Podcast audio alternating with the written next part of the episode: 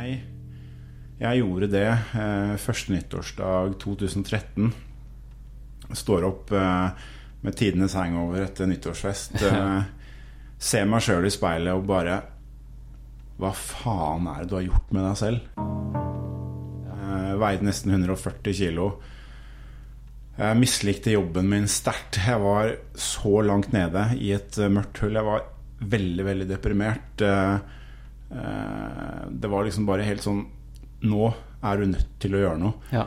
Eh, Og jeg klarte å si til meg selv Nå skal jeg bruke resten av mitt liv på å bli den beste utgaven av meg sjøl.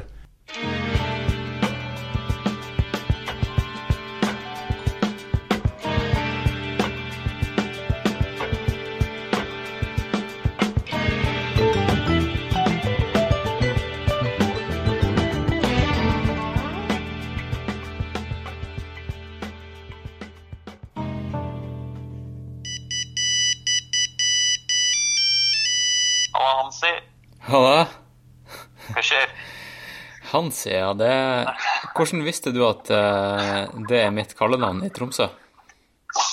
Nei, eh, det Vet ikke. Kanskje jeg var der, kanskje ikke. Ja. Du Hvordan går det? Nei, det går bra. Du, du er jo faktisk nå med i eh, introen til en episode. Ja, ja, ja, ja. Går det greit, eller? Går det Ja, det går bra. Fett. Jeg er litt sånn ute og går, men det skal gå bra. Ja, ja. Jeg, fall, jeg har noen minutter, i hvert fall. Ja, det skal ikke ta lang tid. Jeg har fått eh, litt sånn tilbakemelding på at uh, introen kan være, være litt for lange. Ja. Så da skal Jeg jeg er bidragsyter til det, da. Så jeg Ja, ja. tar jeg min del av den. Hallo? Ja, hallo. Ja, hei. Ja. ja eh, hvor, hvor du er nå? Er du i, uh, i Oslo, eller Jeg er i Oslo, uh, i Bogstadveien. Bogstadveien? Ja. Ja. For du jobber der, ikke sant? Jeg jobber der men, og bor der, eh, men det gjør jeg ikke nå. Altså det vil si, nå verken jobber jeg eller er hjemme. Så Ok. jeg, jeg bare går oppover. Ja. Og det er litt mye folk. Ja, det er jo nå eh, faktisk I dag er det 21. desember. Ja, den såkalte julestria. Ja. Den merkes her. Men eh, jeg prøver å komme meg fort gjennom her. Ja. Hva er det, hva er temaet? Jo, temaet i dagens episode, det er Jo, vet du hvem han Thomas Stordalen er? Ja. Han var hjemme hos meg. Ja. Rett og slett. Han var hjemme hos meg i Studio Disen, og vi snakka om eh, Ja, man kan, kan vel si det sånn at eh, han eh, vrengte seg sjøl og var så dønn ærlig som det går, går an å være. ja, det er jo alltid bra, da. Når funker det. Ja. Eller faktisk ikke alltid, men I, I dette tilfellet vil jeg si at det var det. Ja. for, for din del. Ja, så bra. Fikk dere prate om noe spennende? Ja, da, i dag, eh, eller da han var hos meg, så, så prata vi om um, Selvfølgelig om løping, for det er jo ja. en av hans store passions i livet. Men um, eh, vi prata også om, um, om hans eh, barndom og upbringing. Ja.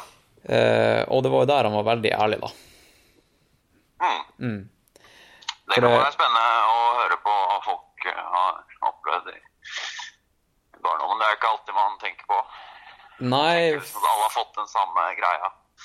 Ja, ikke sant, men uh, egentlig så er jo alle sånne Når folk går inn i hjemmene sine, de, så, så er det Man vet jo ikke hva som skjer der inne. Nei, nei. Så Absolutt ikke.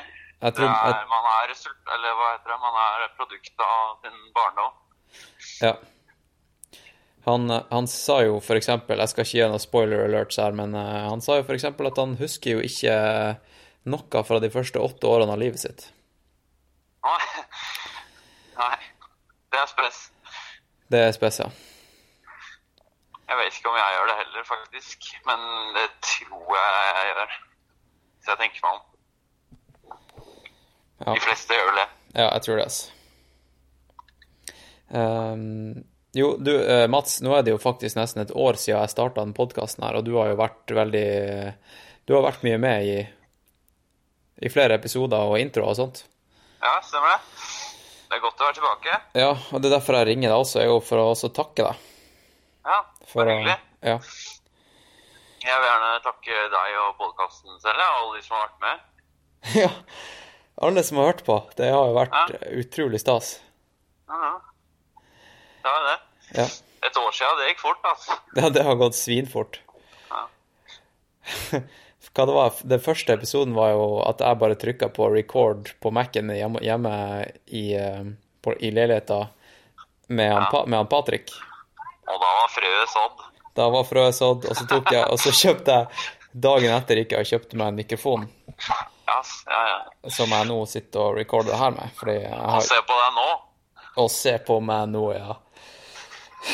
Nei, det var referanse fra en langbeint film, så er kanskje den filmen jeg vil anbefale på det varmeste til alle som hører på nå. En langbeint film er jo en av mine favorittfilmer. Ja, ja, min òg. Spesielt på norsk, da, egentlig. Ja. Norsk tale. Så alle må se den. Uh, hvis hvis eh, du skal ha en kort intro, så er det gjerne det siste. Det Ja. siste jeg vil si. Ja, nei, eh, vi skal, vi skal si litt mer. Jeg, jeg skal okay. faktisk dra Jeg er jo i Tromsø nå. Ja, okay. Jeg, I dag skal jeg dra på Verdensteatret, som er sånn her skikkelig gammel kino. En av Norges eldste kinoer. Ja, Den er jo fortsatt eller Den er pussa opp, og den eh, fungerer fortsatt som en eh, kino. Ja, de snurrer ikke 35 millimeter. Nei, men de kunne gjort det. De kunne gjort det. Og uh, i dag skal jeg dra og se Hjemme alene. Kongefilm, da. En av mine favorittfilmer. Ja, faktisk En av mine favorittkarakterer er i, i den filmen, eller alle de filmene. Hvem er det? det? er Mar Marv, han ene, han høyeste skurken. Ja. Han, Mr. Wet Bandit. Ja, han er, når han får strømsjokk, det er kanskje det beste beste klippet jeg vet om. Du, føler du eh, du er, du er jo litt aktiv på Instagram innimellom. Ja, innimellom. Jeg tar en liten pause nå, men sånn i det store er jeg jo det. ja, for at eh, det er en sånn her Instagram-konto som jeg har begynt å følge nå i det siste, og den heter Ultra Running Memes. Ja, ja det er gøy. Og der har de i det siste posta masse sånne her memes med ultraløping og, og hjemme alene-opplegg. Ja. Det er Ja, det er artig. Ja, det skal jeg sjekke ut. altså. Ja. Det er jo to av mine passions. Ja, ikke sant? Ja, er Eh, bra. Ja, du, eh, du vet jo hva jeg bruker å gjøre i introen også? Uh, du, den noe shout-out? Jeg, jeg gir noen shoutouts til, eh, til mine patrions. Mine Ja. kjære, kjære patrions. Og helt seriøst, eh, det året her Det året her hadde ikke gått uten mine patrions. Jeg hadde, jeg, hadde, jeg hadde klart meg økonomisk, men det er noe med det der at folk eh, støtter meg. Det er liksom sånn her eh, lys i tunnelen. Hvis, Ja, ja. du, hvis du skjønner? Er du gæren? Så eh, Nei, det er bare utrolig stas når jeg får en notification om at noen eh, har valgt å støtte, støtte podkasten. Ja. Mm. ja, det skjønner jeg godt. Og det, det koster jo Altså, det kan være en dollar. Det trenger ikke være noe, nesten. Bare sånn symbolsk handling. Ja. Og, og den derre mest bang for the buck-pakka, den, eh, den eh, Da får du jo tidlig tilgang til episoder og sånt. Og den her eh, episoden her, den er jo Den har jo vært tilgjengelig nå i ei uke Ja, ok. til dem. Og eh, i sin helhet helt raw og uncut. Det vil si at de har fått jeg tror det var 3 timer og 45 minutter med Thomas Stordalen. Ikke sant? Mens den episoden her, eller sånn eh, iTunes-versjonen, den blir delt opp i to. Ja. Eh, rett og slett fordi at eh, den er jo litt mer sånn kommers, da. Folk, folk blir jo Ja. skremt når de ser at det står fire timer på, i iTunes. Ja. Så derfor, eh, derfor blir det da to stykk på en og en halv slash to timer. Ja, det er kult. Så du har snurpa inn litt på den gratis-sida, og så har du ekspandert på Patron-sida. Ja, for jeg tenker Patrion, de liksom De har lyst på så mye innhold som overhodet mulig. Ja, ja. Så da bare Da gir jeg dem. Da gir jeg dem alt. Det er bra. Det er en god deal. Ja, så da Jeg skal bare eh, lese opp navnene og gi shout-out til eh, alle dem som er på Mest bang for the buck-lista. Og det er han eh, Bård, Bård, Chris, Kristel, Fred, Fredrik, Iselin, Janne, Joakim, Johannes, Jørgen, Lars-Erik, Marie, Markus, Mathieu, Ola, Ole Anders, Pål, Remi, Remi, Robert, Ruben, Rudi, Sigrid, Ståle, Terje, Thomas, Tyler og Vegard. Dæven. For noen heroes. Ja, for noen heroes. For noen heroes. Eh, og så er det jo faktisk en kommersiell aktør inne i bildet i dag. Eh, Er det det? Har du hørt om Moonlight? Ja. Det har jeg. Hva du vet om Moonlight? De lager bra ski, og så lager de bra hodelykter. Ja. Det er det jeg vet. ja, det er det de handler om. Ja. Uh, og de, de færreste vet jo at de er faktisk norsk. ja. Visste du Det at de var norsk? Det gjorde jeg. Ja. Ehm, jeg jobber jo litt i bransjen selv, så da får man jo greie på sånt. ja, for de holder jo til i Burfjord, oppe i T- Ja. Nord- Nord-Troms. Ja. Så de får testa lyktene sine i norske forhold, da, med andre ord. Og det Absolutt. er noe å tenke på. Det er ikke alle som gjør. Nei, ikke sant, og de får jo da testa det i, eh, i bekmørket halve året. Ja, og sprengkulda, ikke minst. Sprengkulda, ja.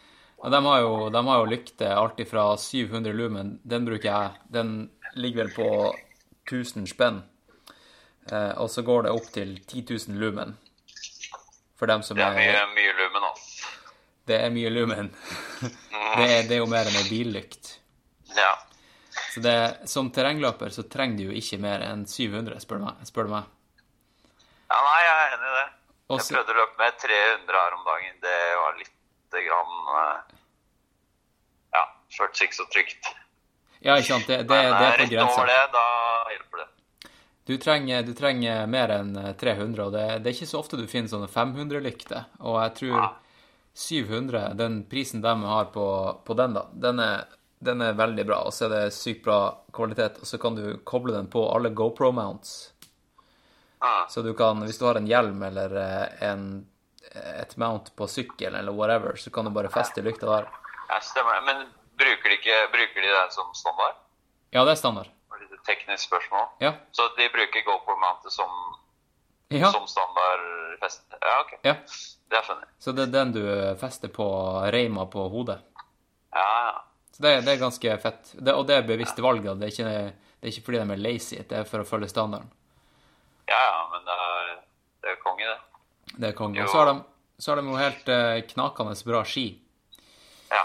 Eh, jeg har jo f- an- gått til anskaffelse av et par, sånt eh, par nå, og begynt å Ja. blitt, eh, blitt ganske eh, flink på, på nedoverkjøring nå. Jeg har jo aldri Ja. drevet, med, drevet med det før, men Nei, det det går oppover, da. Hva du sier Du går oppover, da. Ja, altså, det er jo, det er jo Rando og skimoski. Ja. Eh, men jeg dro jo til Tromsø for å bli flink på det her. Ja. Og så regna all snøen vekk dagen før jeg kom. Og så er det blitt svinkaldt. Så det jeg gjør nå, er jo bare å springe på fjellet. ja. Jeg får ikke brukt skiene. nei, så det er ikke snø i Tromsø nå? Nei, det er bare sånn her hard, hardpakka skaresnø. Ja. Det som er litt morsomt, da, eh, sånn helt uavhengig faktisk, selv om det ikke høres sånn ut, er at jeg skal prøve et par uh, Moonlight ski sjøl. OK? Jeg er litt i, markedet for nye, litt lettere ski enn det jeg har. OK. Ja, men det er jo dødsfett. Vet du hva du skal ha, eller? Nei, jeg må, jeg må undersøke, men uh, jeg tenkte jeg skulle sjekke ut. Uh, du, jeg husker ikke hva det heter da, men hvilket, hva heter de du har? Uh, skal vi se. Jeg Dette har trenger kanskje ikke lytterne å høre på, men eh, Ja, ja, men jeg har eh, Jeg har um, uh, Ganske sikker på at jeg har dem som heter Northern Light Carbon Race. ja, det var noe sånt jeg tenkte på. Bare Ja. sånn ultra lette, Ja. raske ski. Ja. Men da, hvis du skal kjøpe det, så kan du jo bruke eh, discount-koden som jeg har eh, fått, fått av dem for å dele ut til lytterne mine. Ja, For da får du en super deal, og da får du 15% rabatt på alt du handler på nettbutikken. det hjelper masse. Og det er HK15. HK15. Hørte du det, Mats? Jeg hørte det. ja. Ja. Og da altså bare H- for Hans og K for Kristian, og så 15 for 15% så, så kan du jo prøve å skrive HK90, bare se hva som skjer. jeg vet ikke. Men eh, ja, det er noe eh, jeg, jeg, prø, jeg prøver å ikke bidra til eh, kjøpepress her i verden. Nei, det er jeg helt enig i. Så helt seriøst, lytter, hvis du skal kjøpe deg Hvis du trenger hodelykt, og hvis du virkelig trenger ski, Ja. så kan du vurdere Moonlight. Og hvis ikke, så drit i det. ja. Ikke, ikke bit på. Det, Enig. Ja. Eller gjør som meg, prøv det først. For det er alltid noen som har eh, en chi, som får du ofte lånt av uh, produsenten eller noe sånt. Så vær helt sikker før du liksom drar på med dyre ting. Ja, ja for det, det er alvor, liksom. Det er penger. Ja. Og, og produkt. Verden trenger ikke mer eh, ting, liksom. Nei. Så eh, hvis du finner et par eh, Hvis du finner Moonlight-lykt på Finn, så, jeg, så er jo det mye bedre. Word. Wordus. Um, ja. Jeg tror vi Skal vi begynne å runde av der, eller? Ja, det kan vi. Um, Nei, jeg blir kald på fingra. Ja, og så er jo Det her er jo juleepisode. Jeg, jeg, jeg skal ikke klippe inn noe julemusikk, fordi jeg vil jo at lyttere i, som hører på denne episoden her i f.eks. juli, Eh, ikke, ikke skal liksom være på fjellet og høre på, på julemusikk. Men, eh, men jeg vil jo gjerne at eh, eh, Kanskje gi litt sånn en siste julehilsen til lytteren. ja. Har, har du lyst til å, til å gi eh, lytteren en julehilsen, Mats? Eh, ja, jeg vil gjerne bare si eh, god jul og godt nyttår når det kommer. Ja? Og så eh, Nei, det, det er egentlig bare det. Jeg har ikke noe, har ikke mer. Kanskje, kanskje noe hjemme alene-aktig? Ja, jeg syns alle, alle må se det, det klippet hvor uh, uh, Marv Jeg husker ikke hva men han, han var uh, Hva heter han McCulkin, eller hva han skuespilleren heter? Kevin? Kevin. Han hooker opp noen elektriske greier til en eller annen vask eller noe sånt. Og så får uh, Marv støt. Du, den Og så blir han så blir han noe skjelett. Uh, den skal jeg klippe Ja. inn i, i nå etter at du, vi har lagt på. Så Ja, klipp- gjør det. gjør det, ja. Så bare se det. Det er mitt uh, juleråd. ja. Og ellers god jul. Ja, god jul, eh, lytter. Og så vil jeg også si at uh, av, av alle som hørte på uh, episoden på, på Patrion, så er det uh, veldig mange av dem, prosentandelvis, som har sendt han, både meg og han Thomas en personlig melding i etterkant fordi at episoden var såpass sterk og gripende. Så de har takka Thomas for å være åpen. Ja, så bra. Eh, Nei, jeg har ikke hørt ennå, men det, Så jeg- jeg, jeg takker alle som har åpnet. Ja, det, det er helt fantastisk. Og, og jeg, jeg vil bare si til lytteren, hvis, hvis dere eh, har lyst, så sleng dere på den bølgen og bare send meldinger til han Thomas. Fordi det, det koster litt å åpne seg opp for verden Ja. på den måten her. Ja. Ja. Eh, da avslutter jeg introen med at han Marv blir electrocuted. og, så, og så får du ha en fin jul da, Mats. Ja, i like måte. Ja. Deg og hils familien Jeg skal gjøre det. Ja, du òg. Jeg kjenner jo ikke familien din, men uh, hils, da. Nei, ditto, men uh, uansett. Ja. OK. Greit. Cool. Vi snakkes. Ha det bra. Ha det bra. Hei.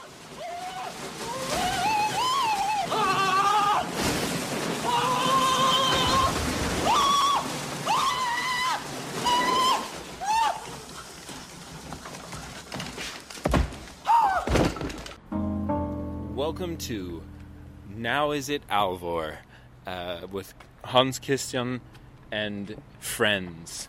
We're going to be the best podcast that you ever did here, and we're going to thrill you. We're going to teach you. We're going to entertain you.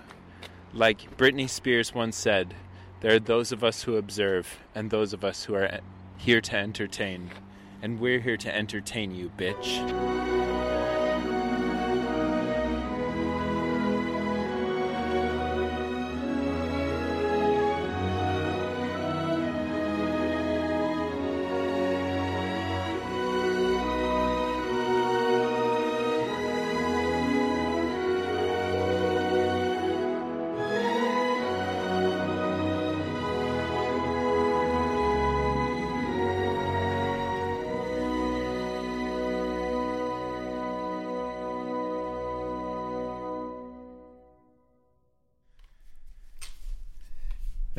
Da sitter jeg faktisk eh, på Studio Disen ved siden av Hans Christian.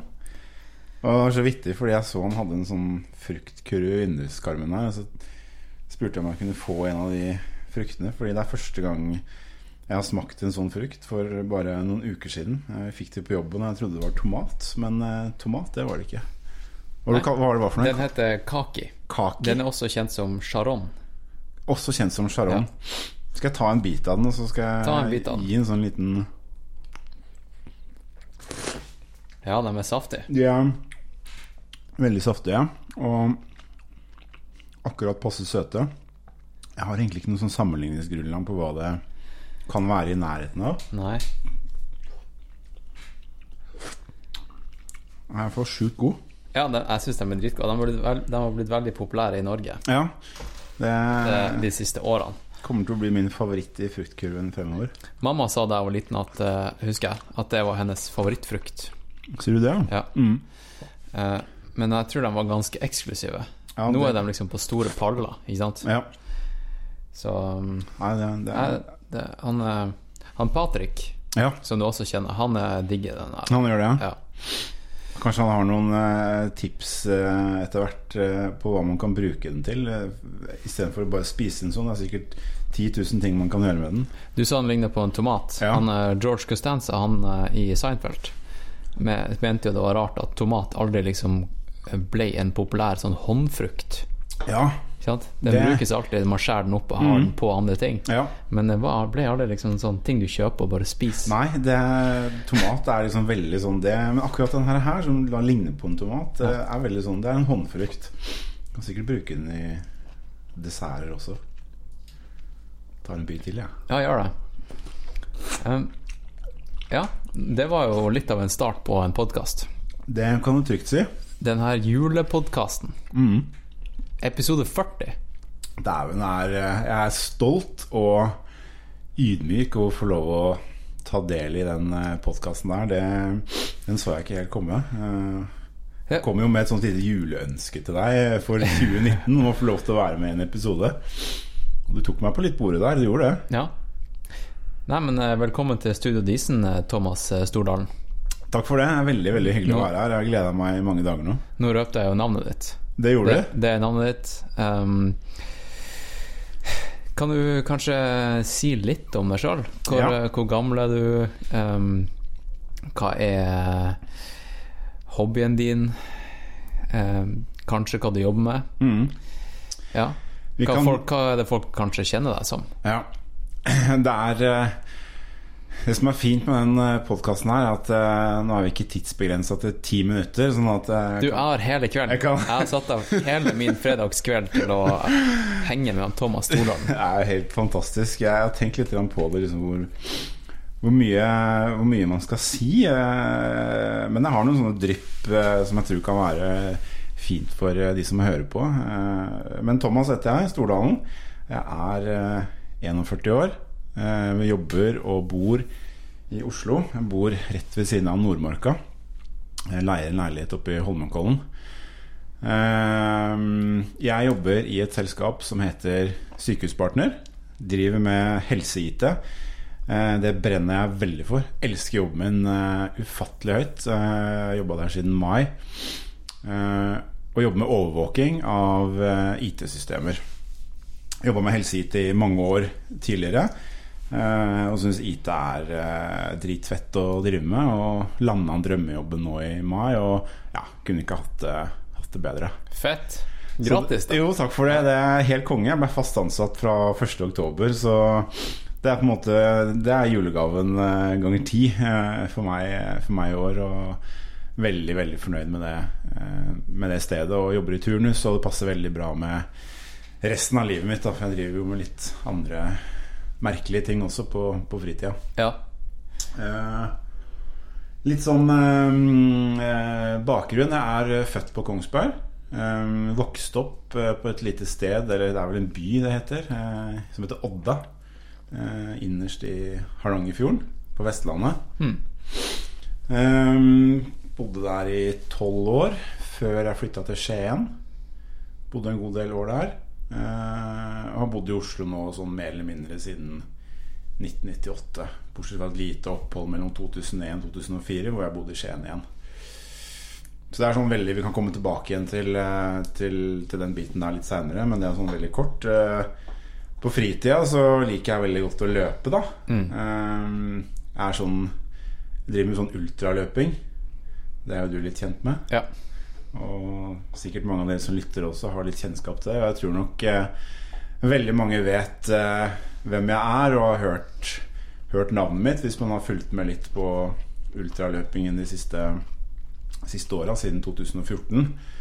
Eh, hadde en ganske populær blogg eh, hos eh, Runners World for noen år siden og hadde ganske mange tusen følgere på på Instagram og, og på bloggen da, som, som Ja. eh, Det var ganske stor trøkk en, en liten periode. ja, for du, du er jo på en måte en, en personlighet da, i miljøet. Ikke sant? Ja, altså Så folk, ja, vet, vet på en måte Har i hvert fall hørt navnet ditt. ja, det, Ja. Det er litt sånn eh, I all beskjedenhet så, så, så kan jeg liksom ikke gå og følge med på et løp uten at eh, veldig mange kommer bort og vil slå en prat, og det syns jeg er veldig, veldig hyggelig. Det er kjempekult. Jeg elsker å være på løp og treffe, treffe alle de bra folka som jeg har blitt kjent med gjennom løpingen eh, de, de, de siste årene. Og veldig glad for at jeg føler i hvert fall selv at jeg har gjort et positivt inntrykk eh, i miljøet, da, på, på godt og vondt, eh, med min, eh, min historie. så, så det er jeg veldig stolt av å være en del av det lille ultramiljøet da, som vi på en måte har, har her i Norge og Oslo. Ja, det er, det er et fint lite miljø. Altså. Ja, det er det. Det er, det er litt sånn småsært når folk på jobben spør om det. Så prøver jeg liksom Jeg snakker ikke så veldig mye om det, fordi folk skjønner det liksom ikke. Det er liksom vanskelig for, for folk å forstå at eh, det er glede i å løpe lenger enn fem, seks, sju, åtte, ti mil. Og det er mm, det er litt vanskelig å forklare også når man selv ikke, ikke, ikke gjør det. Så jeg prøver ikke å snakke så veldig mye om det til folk som ikke løper. Jeg heller være sånn at hvis folk spør, så, så svarer jeg. Hvis ikke så prøver jeg å holde det litt sånn low key, da. Eh, For det er jo litt sært, det er det jo ikke noen tvil om. Ja, på papiret er det sært. På Papir er det sært. I praksis eh, så vet jeg ikke hva jeg skulle gjort uten. Jeg syns det er den kuleste tingen å, å drive med. Um, bare, det kom noe rett inn i hodet mitt nå, så jeg bare må si det var eh, eh, Tidligere år så løp jeg Kristiansand Ultra. Eh, det gjorde du også. Det gjorde jeg også, ja. Eh, og jeg hata Max eh, underveis, fordi jeg er ikke så veldig glad i sånn Å løpe langt? Nei. Hater å løpe langt. Jeg er ikke noen sånn terrengmann. Jeg er ikke så veldig glad i opp og ned og sånt. Nå var ikke det for så vidt det hardeste løpet, men det var så kult når du passerte meg med en runde. Så da var jeg liksom langt, langt nede. Og så, så husker jeg du passerte meg, og så så du at jeg sleit litt. Og så sa jeg vel noe sånt som at jeg hater skikkelig Ja, men har du det fett? Du har det vel fett? Og, og det er noe jeg liksom har tenkt på veldig mange ganger i etterkant. Um, når jeg har det litt vondt, da. Jeg har tenkt på den gangen Hans Christian suste forbi deg og tok seg tid til å bare Ja, men du har det fett, har du ikke det? Og, og ja, det er liksom Ja, selv om du hadde det jævlig. Ja, og det er liksom litt Det er liksom en av grunnene En av mange grunner da, til at jeg liker å drive med ultraløping, er det derre Når du kommer til det punktet hvor du faktisk Kroppen tror du er ferdig, da. Fysisk og mentalt. eh, eh, Og det å skrape seg opp igjen av det sorte hullet Eh, og det er mange paralleller jeg kan trekke i mitt si, tidligere liv i forhold til akkurat det. Og det er kanskje en av de viktigste grunnene til at jeg driver med ultraløping. For det er Det er veldig sånn kontraster da, i forhold til hvordan han levde før. Eh, og Derfor så betyr det så veldig mye for meg også å drive på med det. Skal vi bare ta og hoppe rett inn i det? det nå nevner du jo ditt tidligere liv og hva Mm. du drev før. Skal vi bare få det unnagjort? Det- Så vi har sett det som en uh... Det kan vi gjøre. Og, ja, og det eh, Vi begge leser jo eller hører på en lydbok nå om dagen av en sånn Ja. Amerikansk eh, badass som heter David Goggins. han, er, han er tidenes badass. Han er tidenes badass. og Fy flate. han må dere bare sjekke ut. Uh, lydboka heter 'Can't Hurt Me', og seriøst Ja, boka også heter Ja, det. ja boka også. og den, den, den er bare helt, eh, helt rå. Og Jeg ble nettopp ferdig med den. Du ble nettopp ferdig med den? Ja. altså Da jeg gikk eh, Da jeg drev og rigga til podkasten her, ja. så hørte jeg på de siste minuttene av, eh, av boka. Mm. Og boka er vel nesten 14 timer. Ja, den er nesten 14 timer. Ja. Stemmer. Og den kom ut forrige helg, så jeg har vært uh, busy. Ja, det, det skjønner jeg. Og jeg er, jeg er, er ferdig med første, første kapittel. Og det som er litt kult med den boken, er at eh, han har også en sånn eh, noen sånne oppgaver som han gir til, eh, til lytterne underveis. Eh, og jeg har på en måte lagt mye av det gamle livet mitt bak meg for godt, trodde jeg. Til, ja, ja, eh, til jeg begynte på den oppgaven som han, eh, som han da utfordrer eh, lytteren, leseren, til å gjøre. Da. Ja, for du har tatt det seriøst. Du jeg, har har, tatt, jeg har tatt det veldig, Ja, veldig seriøst. eh, Fordi det er nok em, Det er nok en del ting som jeg fortsatt på en måte må uh, jobbe med fra fortiden Mm. uh, for å komme dit jeg ønsker å komme. Mm. Uh, Uh, og jeg kjenner at det er litt sånn uh, Det er vel lenge siden jeg har snakket om det. Uh, lenge siden jeg har skrevet om det. Jeg har på en måte lagt det veldig bak meg, men så er det også litt sånn Skal man ta noen nye steg da i livet, eh, om det er som løper eller som menneske, som venn, kjæreste, hva den skulle være, så må man ta noen sånne tøffe runder med seg sjøl. Eh, det er lett å gå på autopilot og ikke kjenne etter hvem man er og hvor man er og hvor man har lyst. Men eh, akkurat nå så har jeg liksom følt litt på det at jeg trenger å gå en litt sånn ny runde, da. Eh, ikke sånn som jeg gjorde tilbake i 2013, som vi kommer tilbake igjen til. Men jeg må på en måte gjøre noen justeringer. For det, det han kaller det for, er å se seg sjøl i the accountability mirror. Mm. Se seg sjøl i, i, i speilet. Ja. Uh, ikke bare se seg sjøl i speilet, men uh, virkelig ta et oppgjør. Være ærlig med seg sjøl. Ja, og Være dønn ærlig med seg sjøl. Ja, og det er, det, er, det er ekstremt viktig. Jeg, jeg gjorde det uh, første nyttårsdag 2013. Står opp med tidenes hangover etter nyttårsfest. Ser meg sjøl i speilet og bare Hva faen er det du har gjort med deg selv? Ja. Eh, veide nesten 140 kilo.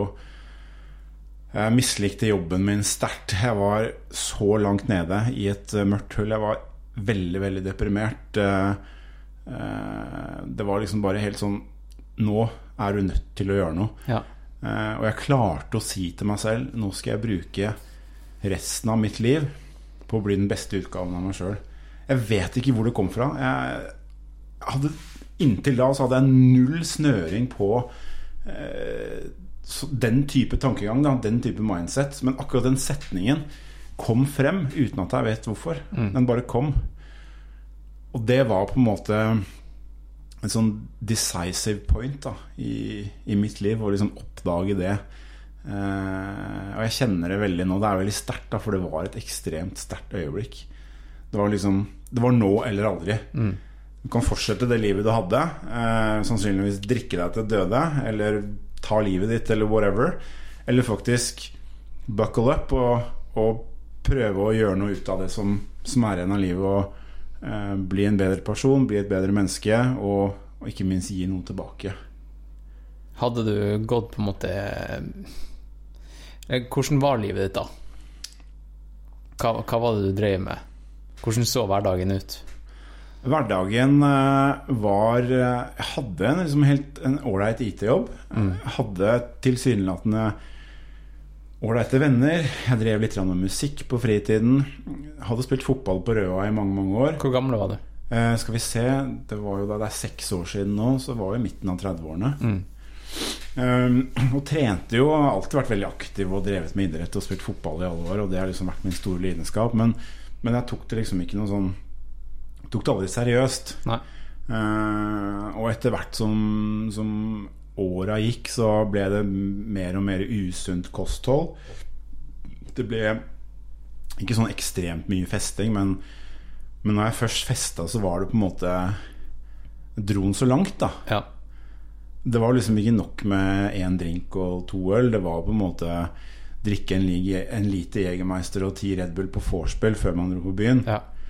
Uh, så var det en periode mellom 2000 og 2007 uh, hvor det var andre ting som jeg dytta i kroppen nå en eller to ganger i året. Amfetamin uh, eh, og kokain, da primært. eh, og det sammen med Jegermeister, drinker, øl, alkohol. Liksom, det er en jævlig dårlig kombo. Ja. Um, glad for at ikke jeg gjorde det oftere enn det, for jeg kunne blitt avhengig av det. ja, for du var ikke avhengig av det? Nei, det, det var jeg ikke. Eh, men det er klart Det har en veldig stor innvirkning på kroppen når du tar det i store mengder. Da. Ja. Det sitter lenge i kroppen Ja. eh, mentalt. Mentalt, ja. Ja, Ja. veldig, veldig mentalt. Og det var nok det jeg kjente mer på. Klart du da gjør det et par ganger i året over en fem, seks, syvårsperiode, så så merkes det, da.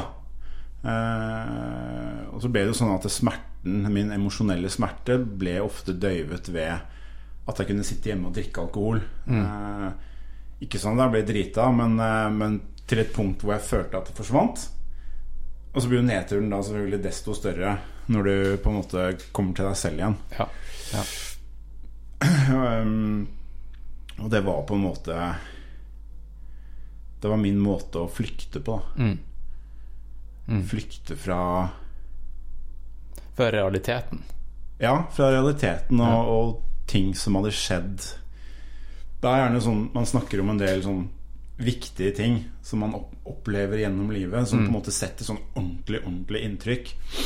Um, og et av de var jo, som jeg snakket om i stad, når jeg innså her for seks år siden at jeg måtte gjøre noe med kroppen min, både fysisk og mentalt. Mm. Um, men det er litt sånn eh, Ting som har skjedd i barndommen, det sitter kanskje lenger i enn det man tror, da. Det gjør nok det, altså. Og det Barndommen husker jeg egentlig ingenting av. Altså fra jeg var null til jeg var åtte-ti år. Det er fortrengt, liksom. Ja, altså, det, det, er- det er rart. Altså, jeg, jeg prøver stadig vekk å tenke tilbake igjen fra Ok, født 77 fram til 87. Hva skjedde da? Jeg vet ikke, jeg. Aner ikke. Jeg har ikke noe Jeg har Jeg husker en gang i barnehagen. Det er liksom det. Um, ellers så husker jeg veldig lite.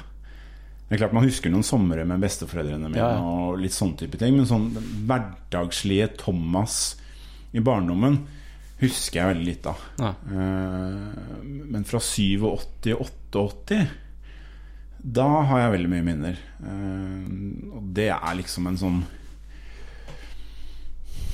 Det er litt vanskelig å snakke om. Eh, jeg vet ikke hvor mye jeg skal si, men, uh, men det var ikke en grei tid, da. Nei, nei. Men, men det at du husker noe fra da, betyr, betyr det at da begynte det å gå bedre? Eller det, er det tilfeldig? Jeg kan vel si det sånn at uh, det gikk én vei, og det gikk nedover. Ja. Uh, det jeg kan huske. uh, når man er barn, så er man veldig Man er skjør, man er sårbar. Man ønsker at de voksne menneske, menneskene man har rundt seg, skal være trygghetspersoner. Skal være liksom bærebjelker i et barns liv og sørge for at alt er bra. Eh, Så man kommer seg gjennom skolen og eh, at liksom Ja, man får mat på bordet, og, og alle de gode tingene må være til stede, da. Eh, og jeg opplevde nok eh, litt sånn det stikk motsatte. Altså, jeg hadde klær og mat på bordet, og dette her, men, Men omsorg og kjærlighet og varme, det har jeg ikke så mye minner ifra. Nei. Når sant skal sies, eh, min kjære pappa som, som gjorde så godt han kunne de, de gangene jeg var hos han, eh, det, det var nok Når jeg nå ser tilbake igjen, så tror jeg nok det har, vært med på å redde meg. Da. Eh, han gjorde så godt han kunne, det lille han fikk lov å ta del i. Mens det var på en måte det hverdagslige eh, hjemme hos moderen og, og han fyren som, som hun var sammen med, som på en måte var vondt, da. Der var det mange hendelser jeg kunne, kunne snakket om som, som virkelig liksom sitter i, da. S- Over flere år, som da helt klart har vært en medvirkende årsak til at uh, jeg nesten gikk under da i voksen alder, fordi jeg visste ikke om noe annet. Mm. Jeg hadde ikke noe verktøy, hadde ikke noe Jeg visste ikke hvordan jeg skulle angripe det. Det tok lang tid for meg å innse at uh, mye av kjernen til mine problemer i livet lå kanskje der, da. Eh, Jeg har et veldig sånn klart bilde av en episode som skjedde da jeg var 15 år. Mm, Jeg husker veldig godt eh, Telefonen ringer på natta. Eh, Da bodde jeg hjemme hos mamma og han typen. Han var ute på, på en eller annen fest. Og det her var en fasttelefon, ikke sant? Ja, fasttelefon. det var dager, Eh, Det var ikke noen mobiltelefon da. Hus, hustelefon. Ja, det var den gode gamle hustelefonen ja. som veide fem kilo og Ja. var sånne knapper sånn, Var det sånn dreiehjul på den? Nei, akkurat den var det ikke dreiehjul på. Det hadde Nei. vi som eh, Når vi var litt mindre, så var det dreiehjul. Grå Ja. telefon med dreiehjul. Men det var en sånn rød en med sånn veldig høylytte Koster sikkert 100 kroner i dag på eBay. Um, og så tok jeg telefonen, da fordi den lå ganske Den sto ved siden av soverommet mitt. Um, og så var det ingen som svarte i andre enden. Så bare la jeg på og gikk og la meg igjen. Og så ringte de igjen. Uh, tar jeg telefonen, ingen som svarte. Da tenkte jeg sikkert noen som kødderinger. Så jeg bare drar ut kontakten og, og, og, og legger meg igjen. Um, og så hadde jeg en sånn følelse av at det var sikkert uh, fyren til eh, moderen uh, som skulle hjem. Uh, sikkert vært på fest og trenger skyss. Men jeg tenkte ikke mer over det. Um, så liker jeg å legge meg igjen, så hører jeg det smeller i døra nede. Og Så mye at den ble lukka hardt igjen? ja, jeg hører virkelig at det nå er en som kommer hjem, som er ganske Ja. forbanna. Ja. Men jeg bare ligger i senga og tenker ikke noe mer over det. Så hører jeg han gå først inn på rommet til, til moderen og er rasende. Uh, da tror jeg han Det har bygd seg så mye opp, da. At da skal han ta meg for det. Eh, så han kommer inn på, på rommet mitt, skrur på lyset. Jeg husker det som om det skjedde for tre minutter siden. Det kunne skjedd akkurat i stad når jeg kom inn døra. Hos deg i stad. Det, er- det sitter så sterkt, akkurat den episoden der. Jeg hadde egentlig gått og venta på at det skulle smelle. Eh, og så går lyset på, og jeg husker at jeg liksom bare blir helt forfjamsa. Eh, sengetøyet blir bare revet av, og han denger løs på meg med, med begge hendene. Jeg husker ikke hvor mange slag jeg fikk, og kne i trynet, og blodspruten står, og ja, jeg skjønner egentlig veldig lite av hva som skjer. Ikke var jeg i stand til å forsvare meg heller, så det var egentlig bare å prøve å komme seg fortest mulig ut. Og resten av huset blir jo vekt. Broren min og datteren hans var der, og de kommer jo og prøver å stoppe han. Han bare fortsetter å prøve å, å ta meg, så jeg bare løper det jeg kan ned og ut. Da her var det en oktober-november. Det var snø ute og kaldt, eh, og jeg hadde bare bokser og ikke noe annet. Så jeg løper gjennom en skog eh, ned til en, eh, til en kompis og får på en måte hjelp der, da, og varmen i meg. Og ja, nesa var heldigvis ikke brukket. Men endte jo opp med et par blåveiser. Og, og det var for så vidt ikke det verste. Det, det verste er jo det det, det mentale som, som sitter i kroppen da, etter en sånn opplevelse. Den derre fryktfølelsen som, som hadde bygd seg opp over flere år fordi jeg følte at jeg var redd for at det skulle skje. da Ikke sant? Og så skjedde det. ja. Ja. Eh, Worst case. Det var liksom Skjedde. worst case eh, scenario. Ja. Bank i bordet. Det er mange som har hatt det mye verre enn meg. Eh, Men det var min Det var på en måte det sitter, i, da. Én ting er den hendelsen der, men det er liksom en fem-seks års periode der hvor du eh, ikke blir behandla så veldig bra, da. Sånn mentalt sett. Eh, du mister all selvtillit, all tro på deg selv, og eh, du skal gjerne bli bygd opp av omsorgspersonene som du har rundt deg, som vi snakka om Ja. i stad. Eh, så det var på en måte sånn Jeg husker at jeg klarte å si til meg selv Det her finner jeg meg faen ikke i. Det her skal jeg komme meg ut ifra. Når var det, var det Jeg liksom var, sei- jeg var fem- 15 eller 16 år. Fortsatt i ungdommen, liksom? Ja, det var det. Ja. Uh, og jeg bestemte meg der og da at uh, jeg, skal komme, jeg, skal, jeg skal komme meg i militæret så fort jeg kan. Ja. Komme meg vekk hjemmefra. Uh, og det skulle vel gå et år, halvannet, før det ble en realitet. Og det var kanskje den Diggeste dagen i, i hele mitt liv, da. Da du var fri? Ja, når jeg dro til, eh, til eh, opptaksprøver til befalsskolen for marinen den sommeren jeg var 17 år, husker jeg ble kjørt til Horten av, av moren min og han fyren. Og når jeg gikk ut av den bilen, da følte jeg meg fri for første gang i mitt liv. Ja. Eh, så det er noen år der som jeg føler har blitt tatt ifra meg. Da. En del muligheter som jeg Som lå foran meg, bl.a. som fotballspiller, som, som ble tatt fra meg sånn veldig hardt og brutalt. Mm. Eh, men da følte jeg at dæven, nå er jeg fri. Eh, nå kan jeg gjøre Nå kan jeg gjøre som jeg vil. Nå skal jeg komme meg gjennom eh, militæret. Og så skal jeg bli voksen. Så skal jeg bli mann. Eh, ja, nå er jeg spent ja. på hvordan det gikk. Hva, hvordan gikk det da du kom i, i det såkalte militæret, og, og hvor havna du? Ja, jeg, ja. eh, etter ungdomsskolen så gikk jeg to år på kokkeskole. Um, planen var å bli eh, si en, en, en dyktig restaurantkokk, men jeg fant ut etter hvert på det andre året at det å lage mat var på en måte ikke min Det var ikke min passion, det var ikke min greie. Um, så jeg ønsket ikke å eh, søke meg videre for å ta læretiden, da. Men så så jeg at uh, i marinen så hadde de en sånn ganske kul forpleiningslinje. Mm. Hvor du da kunne bli eh, liksom leder av forpleiningskjøkken. eh, i- Hva er forpleining? Altså Forpleining er, var vel altså, matlaging. Eh, storkjøkken, da, eh, i militæret. Mm.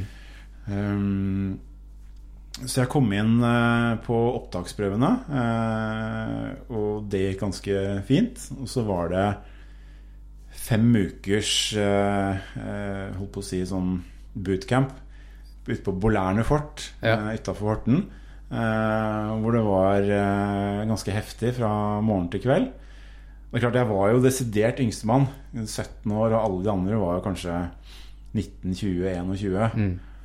Så jeg ble jo konstant hakka på av befalet. De skulle jo selvfølgelig ta minstemann først. Men da viste jeg vel kanskje bitte, bitte, bitte litt av det jeg har jævlig mye av i dag. Da. Eh, litt sånn stayerevne og viljestyrke. Så jeg kom meg gjennom de fem ukene eh, på en sånn ok måte. Og visste at jeg var sånn i eh, 50-50 da, om jeg kom inn på skolen med fagskolen eller ikke. Mm. jeg følte vel at ikke ville gå veien, men så sa de til meg dagen før eh, de skulle bestemme seg at det, her er det muligheter. Eh, og vi har ikke bestemt oss.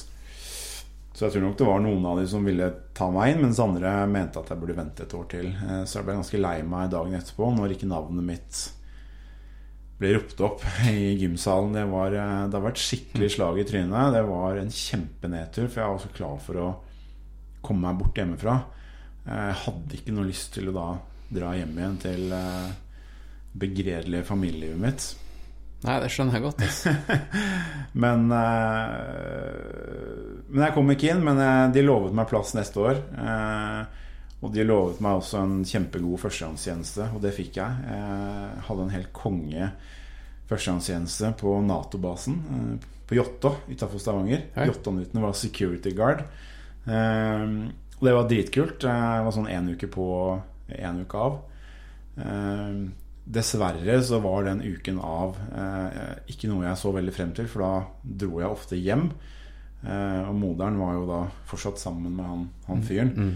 Eh, og det var ikke akkurat god stemning eh, de ukene jeg var hjemme. Nei. Det var enkelte uker hvor ikke jeg gadd å dra hjem også. Eh, fordi da bare ble jeg i Stavanger og trente og pusha litt og ja, prøvde å liksom ja, finne litt ut av ting, da. Noen episoder der også hvor eh, Da begynte jeg å bli litt stor. eh, og da visste jeg at eh, han ikke ville fly på meg igjen, da. Ja. Vi hadde noen mentale feiter. Det, det hadde vi. Jeg mm, klikka på han flere ganger. Eh, og det var jævlig deilig å bare fortelle han akkurat hva jeg syns, for det hadde jeg hatt lyst til i flere år etter at han banka meg den gangen. Da, så Hadde det ligget latent, eller tok du noen oppgjør med han? Eller var det liksom ting man ikke snakka om? Det var bare Det var noe vi ikke snakka om.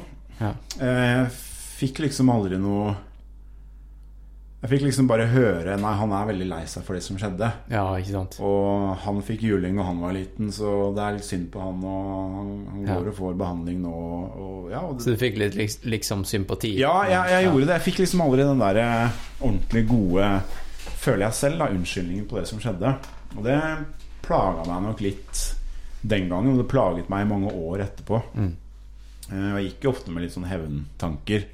Hadde jo lyst til å En dag.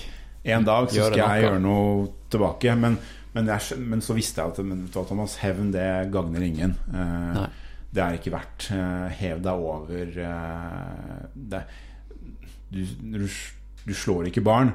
Det er bare helt patetisk. Eh, og jeg tenkte at å ta hevn på den måten der, og gjøre det samme Aldri om jeg skal gå den veien der. Nei. Jeg skal bare heve meg over det, finne min vei, finne mitt liv. Um, uh, og komme meg gjennom det. Uh, Men jeg tok jo aldri oppgjør med meg selv, som jeg burde gjort på den tida der, når jeg var liksom 18-19-20 år og begynte å bli holdt å si, inne i de voksnes alder og begynte å jobbe ganske tidlig. Og, jeg hadde jo en voldsom utvikling, men akkurat det som skjedde der, det, det skjøv jeg på en måte bare vekk, da. Eh, og jeg, jeg skjønte jo at det ville komme, komme for en dag. Eh, uten at man egentlig vet om det. Altså Fra jeg var 20 til jeg var 30, hva skjedde da? Det er ikke godt å si. Jeg suste gjennom livet på en eller annen måte. Um, og, men jeg hadde ikke noe forhold til meg selv. Det hadde jeg ikke. Menn er jo faktisk Vi er jo ikke, vi er jo ikke ferdig utvikla mentalt før vi er sånn 5-26. Vi er jo egentlig bare noen sånne her hormonbomber som vil eh, reprodusere. Ja. Så det er egentlig ganske crazy at um, Crazy å tenke på, egentlig. Det, ja Det er jo mange som faktisk struggler mer i 20-årene enn de gjør i, på, i ungdommen. mm, ja, faktisk. eh, Bare å finne roa, ja. ikke sant? Og det Og jeg, jeg suste jo bare rundt. Altså, jeg Hadde jeg bra jobb og hadde venner rundt meg, og ting var på en måte Da var livet liksom Da begynte den kurven å gå oppover, da. Ehm, men så kjente jeg jo innimellom at noe var gærent. Det var noe, Det er noe lå og murra, liksom. ja, det, det, det var noe Jeg kjente på noen sånne følelser inni meg. Sånn, sånn, sånn, da visste jeg ikke at det var angst eller depresjon. Da. Nei. Jeg hadde ikke noe sånn forhold til det i det hele tatt. Kom det i type angstanfall? Eh, eller, eh, eller var det bare sånne type da- eh, highs and lows? Det, det, var, det var liksom highs and lows, og, og da var det sånn alltid godt med en fest. Mm. Altså Alle fester jo i 20-årene, Ja, eh, tror jeg, da. Eller iallfall ganske mange. Eh, og det hjalp jo veldig der og da. Mm. Eh, og så gikk det litt sånn i, i bølgedaler, fordi jeg, jeg kjente liksom ikke etter. Men jeg visste at jeg var en følsom dude. Eh, Jeg har alltid grått mye og vært liksom veldig sånn i ett med mine egne følelser. Vært flink til å sette ord på ting, alltid vært flink til å skrive. Fått gode tilbakemeldinger på det. Um, men, men det tok som sagt ganske lang tid før jeg innså at jeg hadde et ganske alvorlig psykisk problem. da Ja, En mental greie som, som jeg måtte ta tak i. Det er liksom først nå de siste fem-seks åra hvor jeg på en måte kan sette ord på at ja, jeg, jeg sliter med mine depresjoner. Jeg sliter med angst, panikkangst og sosial angst eh, innimellom. Um, men det er deilig å kunne sette ord på det. Eh, godt å snakke om det. Det er jo fem-seks år siden du begynte å løpe, da. Ja. Så hva, hva har skjedd? Med, Og det er så morsomt, fordi jeg hata å løpe. Når jeg spilte fotball Altså Jeg har vært ganske god i både tennis, håndball, basketball. Eh, kunne liksom nådd veldig langt i mange idretter. Hadde jeg hadde jeg hatt et apparat rundt meg når jeg var 15-16-17 år, så kunne jeg nådd veldig langt. Um, som fotballmessig så spilte jeg på Røa i 7-8 år og hadde en fantastisk tid der. Vi var godt lag i tredjedivisjon.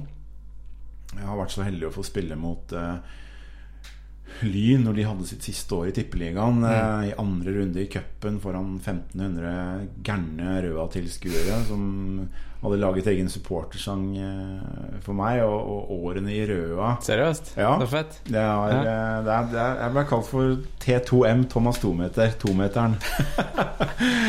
og jeg er ekstremt takknemlig for de årene. Røa er jo klubben i mitt hjerte. Er medlem av, av Røa idrettslag. Og Ja. Eh, de åra som jeg spilte fotball der, det, det var ofte en redning for meg. Mm.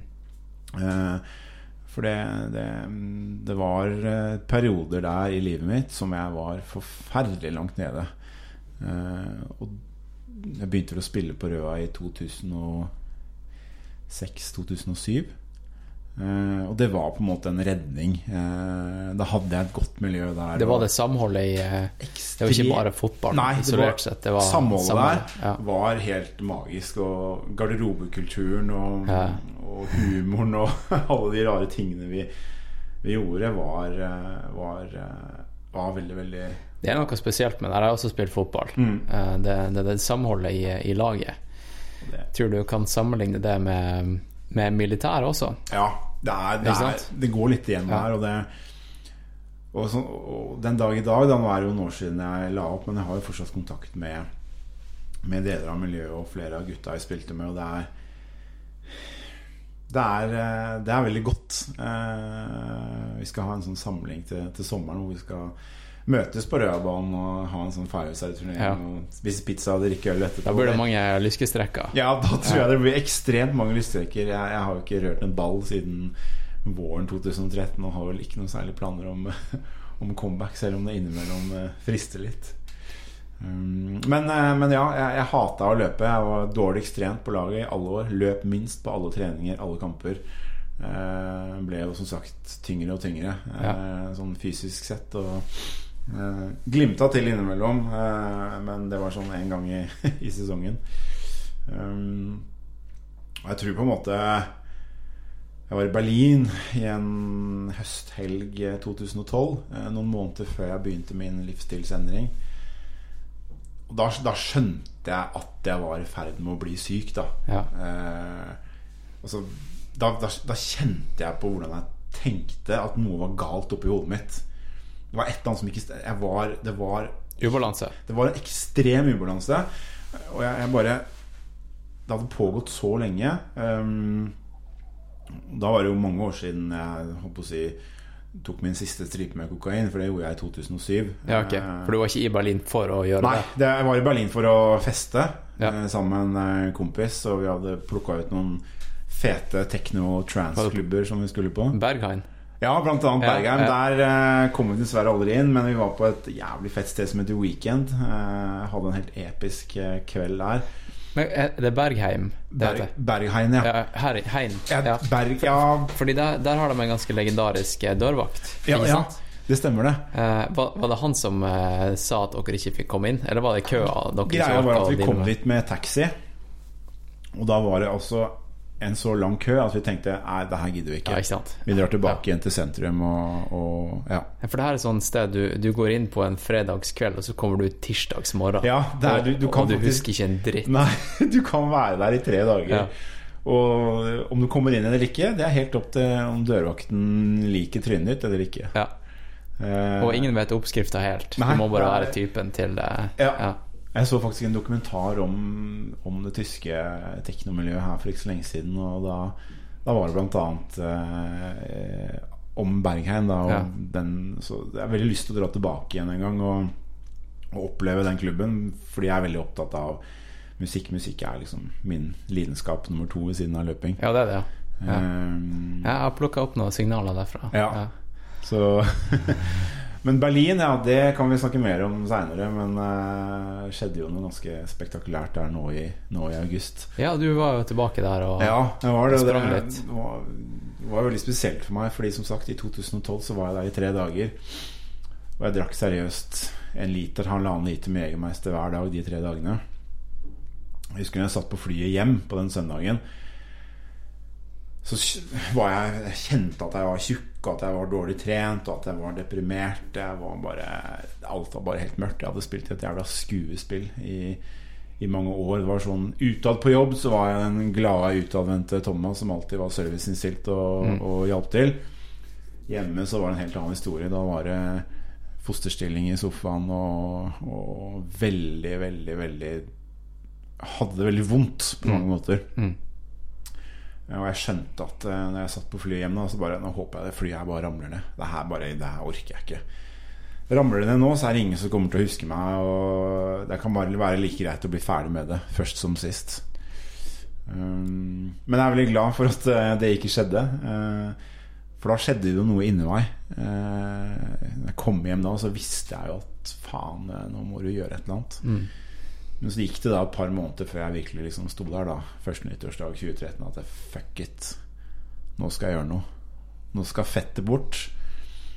Nå skal jeg bli Det var fettet det starta med? Ja, det starta med fettet. Ja, ja. Det... For det er, jo, det er jo en sånn Virkelig som en måte at noe galt manifesterer seg i fett. Ja, det, er, eh, det, er, det, er, noe med det der, altså. Ja, det er det. Og ja. I, dagens samfunn så er jo overvekt blitt liksom en sånn folkesykdom. Det er jo mm. ekstremt mange som sliter med det. Um, og jeg var liksom i ferd med å bli en i en i statistikken som nok en gang ble overvektig. Eh, da jeg nesten liksom bikka 140, jeg var vel på det meste 137,5 var liksom peaken, da. Ja, men du er jo veldig høy, da. Ja. Så, så, du er jo ikke 1,80, og da ville 1,40 vært ekstremt, ikke sant? det ville vært veldig, veldig ekstremt. Så det var jo ikke sånn Folk rundt meg kommenterte det ikke så veldig mye, men det var noen som på slutten av 2012 begynte å komme litt sånn derre ja. Nå er det vel på tide å slutte å spise seks sjokoladeboller til frokost. Og jeg hadde en, en på, på, laget mitt som var personlig trener, som Thomas, vi kan gjerne ta en prat når du er klar for det. Ja, vi skal ja. gjøre det når jeg er klar for det. Og det smalt jo skikkelig da i januar 2013. Da var det bare da, da var det sånn Jeg snudde opp ned på alt på én dag. Det var sånn Nå er det nok. Hva var det første du gjorde? Det første jeg gjorde, um, det var å begynne alene på helsestudio. Ja. Eh, og da har jeg jo tidenes historie. Eh, um, den kommer jeg til nå, for den er bare så lættis. Det kokte i sosiale medier pga. det. Um, nei, jeg begynte rett og slett bare å løfte litt vekter. Ja. Men så skjønte jeg jo sånn litt ut i januar at dette kan ikke jeg gjøre aleine. Eh, og jeg spiste jo sunt da og kutta ut liksom all dritten og sånt, men jeg måtte få noe system på det. Ja. Så da fikk jeg hjelp av han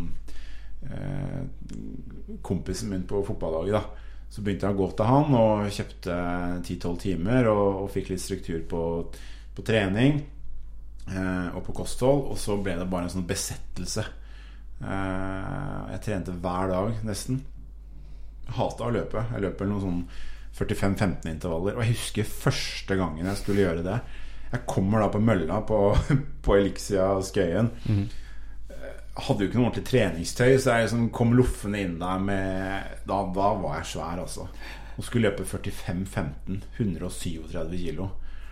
Eh, på, på, mølle? På mølle. Ja, ja. Eh, og varme opp ved å gå. Jeg hadde vel da mølla på sånn 8-9. Ja. Når intervallene begynte, så var det kanskje Eh, maks 12, da. Eh, ja. Som er sånn type 5 km i timen. Og det var helt grusomt. Og mølla stoppa når jeg begynte å løpe. Fordi du er så tung, sånn at det båndet klarer ikke vekta mi. Nei, Så båndet stoppa, stoppa hvert steg? Ja, det lagga, og så stoppa det. Ja. Og så prøvde jeg på to møller til, og det samme skjedde. Og det var sånn skamfullt. For jeg så folk rundt meg liksom, Jeg følte at alle bare lo av meg. da mm. Men jeg ga meg ikke før jeg fant en mølle som, eh, som fungerte. Men jeg hata det intenst. Det var det verste jeg visste. Å måtte gjøre de der forbaskede intervallene. Men jeg gjorde de. Men fant ikke noe glede i å løpe. Det var det verste jeg visste.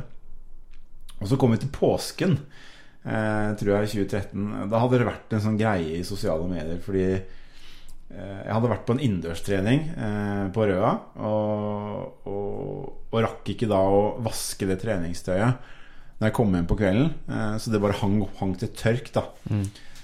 Eh, og dagen etterpå så tok jeg bare det med meg i bagen og dro ned på EVO på Majorstua. og tok på meg da det tøyet jeg hadde på meg eh, i, i fotballen på dagen i forveien. Ja.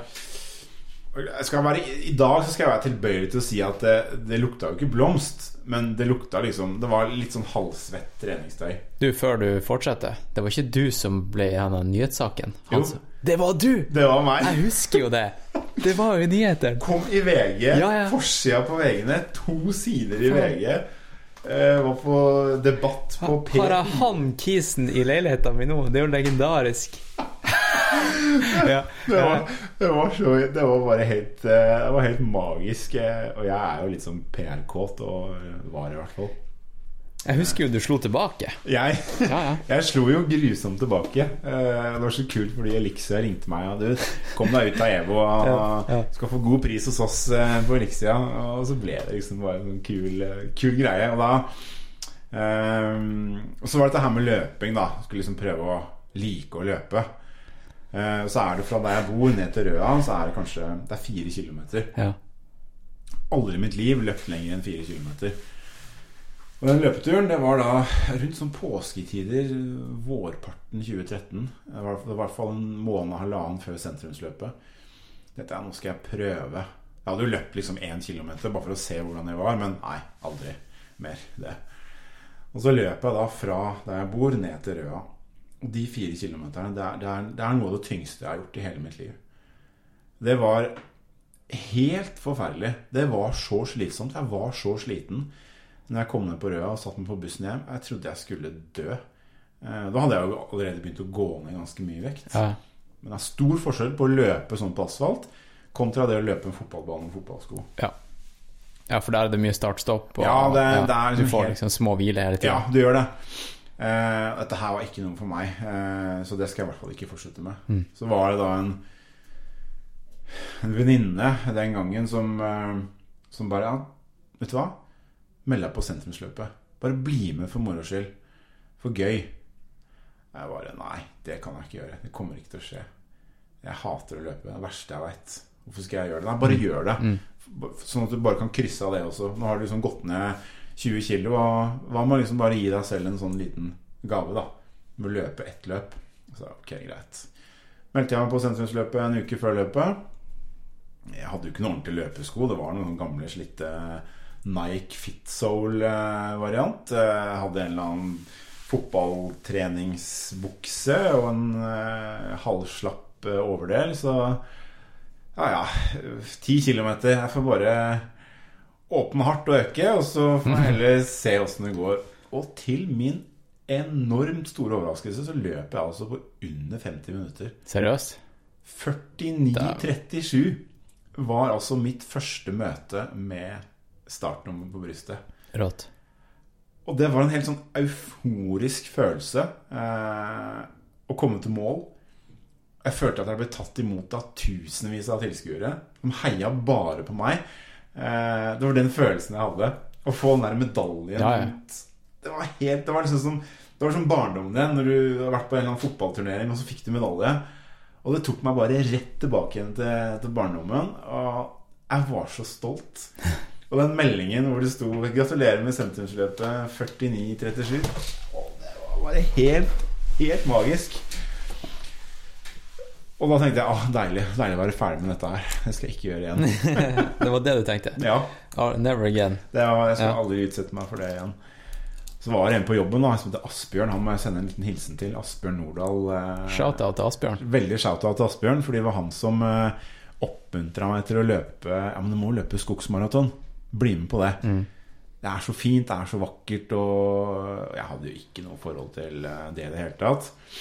Så shout-out til Asbjørn, som eh, fikk meg til å melde meg på det. Og shout-out til Dag Fossum, som også jobber i, i sykehusapotekene, eh, som, jeg, som jeg også var i den gangen. Som da ga meg noen tips da, til hvordan jeg burde trene før dette maratonet. Så det, utrolig nok så klarte jeg å få inn noen litt lengre og litt lengre turer. Plutselig så klarte jeg liksom å løpe 14-15-16 km, og plutselig så var jeg ute en dag i 5-6 timer hvor jeg på en måte gikk 10 minutter, løp 20 minutter, gikk 10 minutter, løp 20 minutter. Så begynte jeg på en måte Ja, det her var jo ikke så aller verst, da. Det var liksom helt ok. Um, men jeg skal bare løpe det ene maratonet og ikke noe mer. Ja, det, det, det er greit. Ja, bare for å ha gjort et maraton. Ja, bare for å ha gjort et maraton. Jeg var jo ganske bra trent sånn fysisk sett. Jeg var ikke løpsmessig, men da hadde jeg gått ned ganske mange kilo og var egentlig brukbar fit. da Eh, Hvis du ser sånne bilder av meg selv fra, fra sommeren 2013 eh, Akkurat når jeg løp det maratonet, så, så så jeg liksom ganske Hadde jeg gått ned sikkert 25 kilo. Mm. Og sto på startstreken eh, oppå Sognsvann og der skal jeg løpe maraton, vet du. Hallo i luken. Jeg ante jo ikke noen ting om hvordan skal man disponere et maraton. Folk hadde jo sagt litt forskjellige typer ting. Men da er det jo bare å gjøre det som veldig mange menn gjør. Eh, go with the flow. Åpne hardt. Og her går jo lett i 10 kilometer. Mm. Skogsmaraton er jo ikke akkurat en flat maraton. Det er mye opp og ned. Og... Jeg har, jeg har sprunget den løypa, jeg har ikke sprunget racet, Ja. men jeg har sprunget løypa i trening. Ja. Det, er- det, er mye, det er mye grus, og så avsluttes det med mye teknisk sti. Ja, det gjør det. Mm. Så det er en eh, Jeg elsker jo den traseen og er jo veldig veldig mye der våren og sommeren og høsten og både løper og går turer og digger den traseen. Skogsmaraton betyr mye for meg. Jeg har løpt det seks ganger på rad. Eh, Men ja, akkurat eh, tilbake igjen til første gangen i 2013, så gikk det egentlig ganske fint og greit fram til Kikkut. Og da kjente jeg at det var Kikkut er sånn rundt 25-26 km. Da, da var det liksom slutt. Da var det over. Da fikk jeg den der velkjente veggen som Du bonka. som Jeg bonka, bonka noe så gra grassat. Og da hadde jeg ikke noe forhold til sånn ett steg foran det andre og eh, sånne mentale teknikker for å bare liksom fortsette å komme seg gjennom smerten og alt dette her, som jeg etter hvert følte jeg ble veldig god på. Eh, men den gangen så hadde jeg ikke noe forhold til det. Men hva skal en gjøre? Det eneste jeg tenkte Ok, det er ikke noe buss her, det er ikke noe T-bane. Eh, Ja, det kjører noen arrangører forbi som kan plukke det opp, men, men det var på en måte ikke noe alternativ. Så jeg prøvde bare å gå litt, da. Og så gikk jeg litt, og så løp jeg litt, og så gikk jeg litt, og så løp jeg litt, og så Da kommer det jo frem. Ja, ja. Eh, Ja, ja. Og det er jo liksom livet i et nøtteskall. Eh, det er sånn always forward. Altså, se fremover, beveg deg fremover. Sett én fot foran den andre uansett hva du driver med. Så kommer du deg sakte, men sikkert frem til målet. Og det var jo det som skjedde den gangen der. Og den følelsen Jeg spurta jo de siste 100 meterne. det var helt Helt Helt sinnssykt. Eh, jeg gråt og jeg gråt og jeg gråt og jeg gråt. Jeg gråt i en halvtime. Jeg fikk den der første den kopp, jeg fikk den koppen min. Jeg skjønte ikke hva jeg hadde gjort. Kroppen bare slo seg fullstendig av. Det var litt sånn Nå har jeg, nå har jeg vist eh, fortida fingeren så til de grader. Jeg har fullført en jævla skogsmaraton. Jeg har klart det. Når var det her i forhold til eh, den, den første nyttårsdagen? Det, det, var- det var Det var liksom Da følte jeg at kapittel én var ferdig, og nå var det et nytt kapittel. Mm. Men hvor lang tid hadde det gått fra Det var, eh, skal vi se 1. januar, eh, februar, mars, april, mai, juni. Fem og en halv måned. ikke det du sprang et maraton? Det er fem og en halv måned fra jeg var 137 kilo, aldri løpt før, til jeg fullførte eh, maraton med 100 og kanskje 15 kilo. Ja. Og jeg brukte fem timer og 18 minutter. Det er ikke så gærent det når du må gå de siste dritbra. to Det er mila. også terrengløp. Ja. Ja, Så det var um, det er rått. men, men det som skjedde etterpå, var jo ganske sånn eh, Jeg var jo så i dårlig forfatning. Mm. Kroppen var jo forferdelig nedkjørt. eh, Gått av hengslene? Ja, helt, det var helt krise. Jeg var så dårlig. Måtte ta taxi hjem og måtte gå av T-banen på Ullevål på vei hjem. Og begynte å hallusinere og var helt Shit! Jeg var helt ferdig. Det husker jeg Det var sånn blomsterutsalg Ja. oppafor T-banen på Ullevål. Og så, så spurte jeg da om jeg skal ha noen blomster. Ja. Hun så jo hvor jeg kom fra, hun så at ikke jeg var bra. Er du sikker på det? Ja, jeg skal ha med meg blomster hjem. Hvorfor det? Ja. Og så skjønte Oi, shit. What the fuck? Uh, og da bare ok, finn deg en taxi, kom deg hjem. Ja. Og kom meg hjem, fikk dusja, fikk spist masse pizza og liksom fikk fylt på. og Bare ah, Satt hjemme og bare nøyt den følelsen Ja. det var å Ja. fullføre mitt første maraton. Jeg skal aldri mer løpe et maraton. Det kommer aldri til å skje. For jeg hadde egentlig tenkt å gå fitnessveien. Jeg skulle begynne med, med athletic fitness. ja, ok, du hadde funnet glede i Jeg hadde funnet glede i styrketrening, Ja, og, ja. og hadde allerede vært i kontakt med en fitnesscoach. Ja. Eh, Og vi hadde et plan, en plan for Oslo Grand Prix et par år frem i tida. og Ja, okay. Skulle begynne med bodybuilding. Ja. For da begynte jeg liksom å få litt sånn der dreisen på eh, det mentale, da, mindsettet. Mm. Begynte å høre masse på amerikanske motivational speakers og Arnold. Kan du huske hvem du hørte på? Jeg hørte veldig mye på Greg Plitt, er kanskje en av mine største influensere den gangen. Okay. Han er dessverre død i dag. Eh, Han ble påkjørt under en filminnspilling av tog for eh, et par år siden. Eh, Han har veldig mye Jeg likte den derre u... Veldig sånn unorsk, da. Eh, veldig sånn derre go hard or go home og no pain, no gain og Jeg likte var han litt i gata til han David Goggins? Litt som David Goggins-type. Har- han har nok ikke samme bakgrunn, men, Nei, han hadde ikke levd det livet. Nei, men, men litt litt av den samme typen, så jeg hørte mye på han. Jeg, jeg hørte mye på Arnold Schwarzenegger og hans eh, liksom Six Rules of Success og den okay. type ting. Og ikke minst Eric Thomas, eh, en amerikansk motivational speaker som også er liksom helt, helt i egen klasse. Som er helt rå. Han kommer jo fra en vanvittig tøff bakgrunn og bare har liksom blitt liksom de senere årene en kjempepopulær motivational speaker i USA. Mm. Uh, Tony Robins uh, ble jeg veldig sånn glad i. uh, for jeg søkte veldig mye på YouTube på motivation og motivational quotes, og jeg fant på en måte mye glede i å høre på sånne ting. Jeg ble liksom veldig motivert selv. For det er ikke alle som blir det. Nei, det er, det er litt sånn Noen syns det er veldig Er helt patetisk og helt latterlig og alt dette her, mens andre digger det. Um, jeg jeg digga det en periode over flere år uten at jeg helt visste hvorfor. Eh, Så gikk jeg litt lei av det, og, og ser tilbake igjen på det nå, så var det liksom Det var mye sånn flåsete. Eh, Det er jo veldig mye klisjeer. det er Det er ekstremt mye klisjeer. klisjeer. Ja. Og det er liksom som David Goggin sier òg. En, en, en motivasjonsquote eh, betyr ikke en jævla dritt hvis ikke du kan leve opp til det selv. Da, det du på en måte, hvis, du, hvis du fronter en eller annen quote eller et eller annet statement uh, bare for å liksom få mest mulig likes eller comments eller followers, og så lever du ikke opp til det selv, så er det liksom bare helt sånn patetisk. Eh, um, Men hvis du bare er en flink ret- retoriker, Mm. så holder det ikke. Nei, ikke sant? Det, det, det, det må være noe mer. Uh, og jeg fant jo etter hvert liksom ut at jeg hadde noe mer da, inni meg. Ja. Eh, jeg hadde en eller annen sånn drivkraft som Plutselig så begynte livet mitt å falle på plass, sånn mentalt sett. Eh, Jeg begynte å få troen på meg selv, jeg begynte å få selvtillit. Liksom, når du klarer å løpe en maraton, så, så skjer det jo veldig mye. Mm. Og jeg fikk jo ny jobb det året også, eh, som leder i Sykehuspartner. Det er andre perioden min nå i Sykehuspartner. Og det skjedde veldig, veldig mye bra i 2013. Mm. Jeg liksom gikk fra Fra liksom from zero to hero, føler jeg selv, da. Altså Ja. min egen helt. Ja. Um, og jeg dokumenterte hele reisen min på Instagram og begynte etter hvert å skrive litt om det. Og så løp jeg, løp jeg Dagen etter skogsmaraton så meldte jeg meg på Oslo Maraton. Jeg tenkte faen, jeg må løpe i Oslo. Mm. Må bare få gjort det. Mm. Og løper under fire timer og bare wow.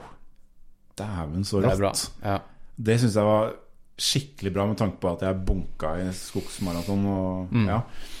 og det var under Oslo Maraton 2013 så bestemte jeg meg for at jeg skal ikke drive med fitness. Jeg skal ikke drive med styrketrening. Jeg har lyst til å se hvor fort jeg kan løpe maraton. Eller eh, løping syns jeg var innmari kult. Mm. Og da var jeg på en måte solgt. Eh, og da gikk det ikke veldig lang tid før jeg liksom ble tipsa litt om sånn ultraløping. Jeg hadde jo fått med meg litt sånn Visste jo hvem han Dean Carn av Dean, Dean Carnazes. Dean Carnassus var. Eh, Jeg hadde sett litt om han, men Han, ikke han, han er forfatteren av uh, The Ultramarathon Man. Yes, det, det er han. Og han var en sånn crazy guy som plutselig, Motivational speaker Ja. også. Ja. Plutselig bare satt på en bar en gang og bestemte seg for at Nei, nå skal jeg bare ut og løpe. Og så løp han eh, bare fryktelig, fryktelig langt. eh. Det, det var vel egentlig på 30-årsdagen hans Ja, at han fikk et sånn eh, innfall mens han var dritings. At nå er jeg 30, nå skal jeg springe 30 miles. Ja. Og så bare sprang han ut av baren eh, i én retning, 30 miles. Ja. Og på morgenen så bare ringte han dama og ba henne hente han. Det var helt crazy. Det er i hvert fall det historien sier. Det, ja, men det, Ja. det, jeg, tror, jeg, tror, jeg tror nok det stemmer, altså. Ja. det skjedde. Så eh, på slutten av 2013 så begynte jeg liksom å bli litt sånn der nysgjerrig på ultra. Jeg husker jeg var nede på Bislett i kjelleren der i, i 2013, i november. Og så disse gærningene løpe rundt og rundt. 24-timeren. 24-timeren. Ja. Som vi snakka om i forrige episode. Ja, ikke sant? Eh, Og jeg bare tenkte dæven, det der ser jo helt crazy ut. Kanskje en gang i fremtida. Ultra må jeg, må jeg hjem og google og finne litt mer ut av. Og da hadde jeg jo noen fått noen løpevenner som ja, hadde litt peiling. Og, og da ble det sånn at jeg signa opp da til Bislett 50 km i, i februar 2014. Så det var på en måte mitt første, mitt første ultraløp. Ja. Eh, og det var, eh, det var helt enormt eh, kul, kul opplevelse. Jeg tror jeg brukte fem timer og 20 minutter. Eller var det seks timer? Nei, jeg tror det var fem, fem og en halv time. Og, og det liksom å fullført å løpe 92 runder der inne, det, det gjorde noe med hodet mitt. Jeg tenkte hvis jeg klarer å løpe her nede i fem og en halv time, da kan bare livet komme med hva som helst. Altså. ja. Det er bare sånn bring it on. Ingenting kommer til å stoppe meg etter dette her. ja. For da begynte jeg å få en skikkelig, skikkelig bra mindset. Noen vil nok mene at det, at det begynte å gå litt i hodet på meg, og det skal jeg være sånn tilbøyelig til å si nå i etterkant, at ja, etter hvert så gjorde du det. Men det, det tror jeg skjer med veldig mange. Ja, Jeg tror det er veldig vanlig. Ja. ja det, det, det Jeg er tror, nok det. jeg tror det har noe å gjøre med at uh, det du sier med at at eh, nå kan livet bare komme med hva som helst Mm. fordi jeg har sprunget så og så langt. Ja. Det Det er nesten sånn at livet blir for lett Mm. noen ganger. Ja, men- Og det tror jeg kan synes på ultraløpere. ja. At de er litt sånn careless. Det er, De bryr seg ikke, fordi at det er ikke så mye som egentlig spiller noen rolle. Nei, det ikke det. det sant. Og når du har satt deg sjøl på den prøven der og har klart det, så klarer du alt. Mm. Da kan liksom en eller annen deadline bare være en deadline. Ja, vet du hva? Det, det, er, det er rart, og det er som du sier eh, Når du også sier det på den måten der, så er jo det et velkjent fenomen. Mm. Uh, og det gjorde veldig mye med Med min holdning, min innstilling til, til meg selv og livet og Ja. Og da begynte på en måte Begynte å få flere følgere på Instagram. Jeg begynte å blogge for, for Runners World og, og ja, delte på en måte oppturer og nedturer. Det var liksom ikke bare glansbilder. Sånn Det er viktig, altså. Det er Det er for mange som bare viser glansbilder og lolling, lolleløping i marka og Jeg blir frustrert, altså, for det, det danner et sånt bilde om at livet er perfekt hele tida. Ja. Du har vært jævlig flink til å dele oppturer og nedturer. Mm. Det, du er er egentlig den eneste jeg vet om som virkelig, liksom, virkelig deler nedturer. Mm. Det er fett, altså. Ja, og det Tusen takk for at du sier det, og det, det tar jeg veldig til meg. Og det er på en måte Det er sånn, det er sånn jeg er som person. Det er, og, og, og nå, eh, hvor liksom, ting er litt annerledes enn hva det var før, så er det viktig for meg. Jeg liker å dele. Nå er jeg blitt litt mer aktiv igjen og, og har glede av det. Jeg liker å dele eh, både treningsøkter og, og sånn generelt sett litt hvordan jeg opplever livet, hvordan jeg føler. For det er så mange såkalte influensere i dag som har tusenvis av tusenvis av tusenvis av følgere.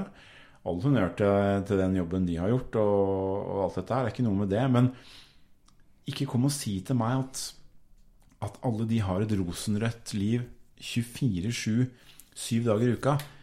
Eh, for det stemmer ikke. Eh, og Derfor syns jeg det er veldig sånn trist å se hvordan den veien har gått for, for veldig mange. Det, jeg blir ikke inspirert av tilgjorte bilder, og, og alt skal være så jævlig perfekt hele tiden. Nei.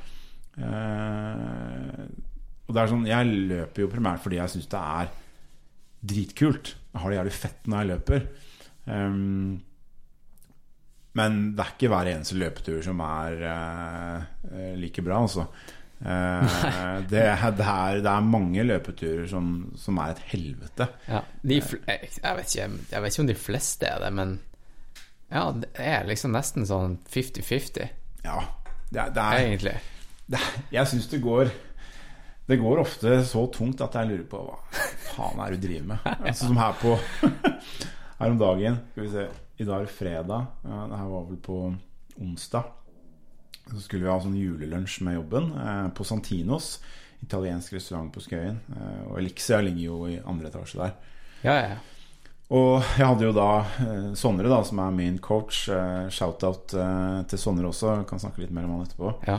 Shout-out til Sondre, også min coach. Ja, Ja. Det er, eh, Sondre er en, er en jævlig bra fyr. Han har betydd mye for meg, både som trener og på personlig plan også de siste åra. Eh, Så ja.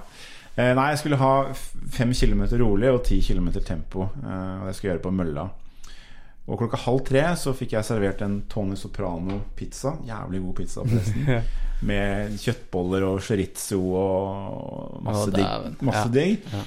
Sjokoladefondant til dessert. Eh, og så var is. Eh, og da, to timer etter det, så skulle jeg da opp og løpe. Eh, og nå er jeg litt tyngre enn det jeg liker å være. Jeg, eh, er, på vinteren så er jeg gjerne fem-seks kilo mer enn det jeg burde være. Ja, ja. Eh, Jeg er på en måte på, på riktig vei nå, så det er ikke noe, ikke noe jeg bekymrer meg for. Um, og går da på mølla og skal løpe fem kilometer rolig først. Og jeg bare føler meg som en hvalross. Det var helt jævlig. Kjenner den chorizo-smaken i kjeften og bare Det er ikke noe vits i. Bare løp de fem kilometerne, så går du og dusjer, og så drar du hjem. ja. Drit i de der ti kilometer tempoet. Og så tenkte jeg noe som du sa til meg, bare sånn What would David Goggins do? Ja, ja, ja, Hva ville David Goggins gjort nå? Hva ville Hans Christian gjort nå? ja.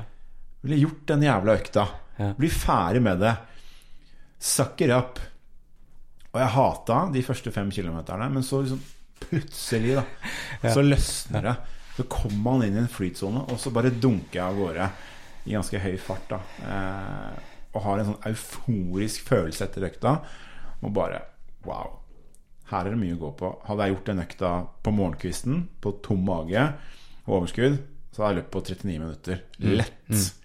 Eh, og jeg fikk ikke noe mindre tro på meg selv når en kar kommer bort til meg etterpå for å snakke med meg. Han hadde studert løpssteget mitt, og at jeg hadde løpt så veldig fort. Og han bare kunne ikke fatte at jeg som var så stor, kunne klare å løpe så fort. Han bare skjønte det ikke. Han, han trodde det nesten ikke. Han måtte se på den mølla flere ganger for å se Løper han faktisk på 15-16-17 km i timen. Ja, han gjør visst ja. det. Og vi snakka sammen etterpå i garderoben, og så synd ikke jeg fikk navnet hans, for han var så sjukt hyggelig. Shout-out til uh, han kisen der, da. Ja, veldig shout-out til han er utrolig hyggelig kisen. uh, sikkert på litt par og to, tre, 44 år. Uh, Sunnmøring. Og bare Ja, han har jeg lyst til å treffe igjen. Mm. Uh, så det er liksom ja, fascinerende å tenke på at um, selv om man har jævlig dårlige dager og hater det, så, så gjør man det for det. Mm. Det, er, det er liksom Det er spesielt da man skal gjøre det. akkurat da man skal gjøre det. Ja. Og det, er- det er sånn Livet er så Det er så lett i dag, tilsynelatende. Vi har det innmari godt, de fleste av oss i hvert fall.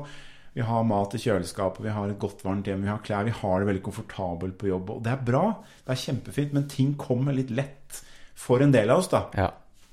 Eh, eh, Ja, altså sånn praktisk sett så Ja. har vi jo virkelig virkelig ordna oss i Norge. Vi har det. altså Norge er, er jo et av de beste Det er en velferdsstat. altså Vi har det veldig veldig godt. altså Det er mange, Jeg kjenner mange som sliter og som har det vondt. og jeg Skal ikke ta bort noe av det, men sånn Nei, men sånn praktisk. praktisk sett, Ja. da, så er det et godt apparat rundt oss. Ja, for at, sant, du kan ha de her kjipe hjemme, altså Mm. sånn intrigene hjemme.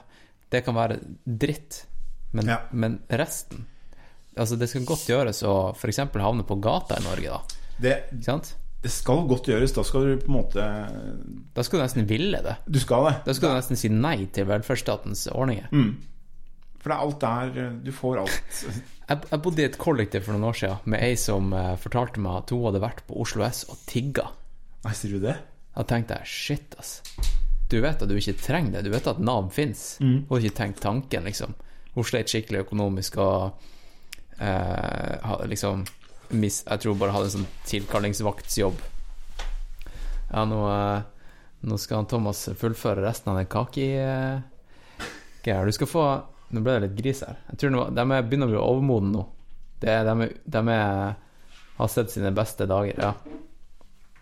Innerst der er matsøpla. Her på Disen sorterer vi. Det er så bra.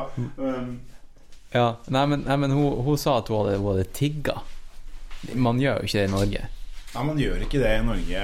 Altså, Det, man ser jo folk som tigger Ja. på gata i Norge, men det er jo som regel ikke nordmenn, og i hvert fall ikke nordmenn som er vanlige nordmenn, som Nei. ikke har rusproblemer eller, eller noe sånt. Mm.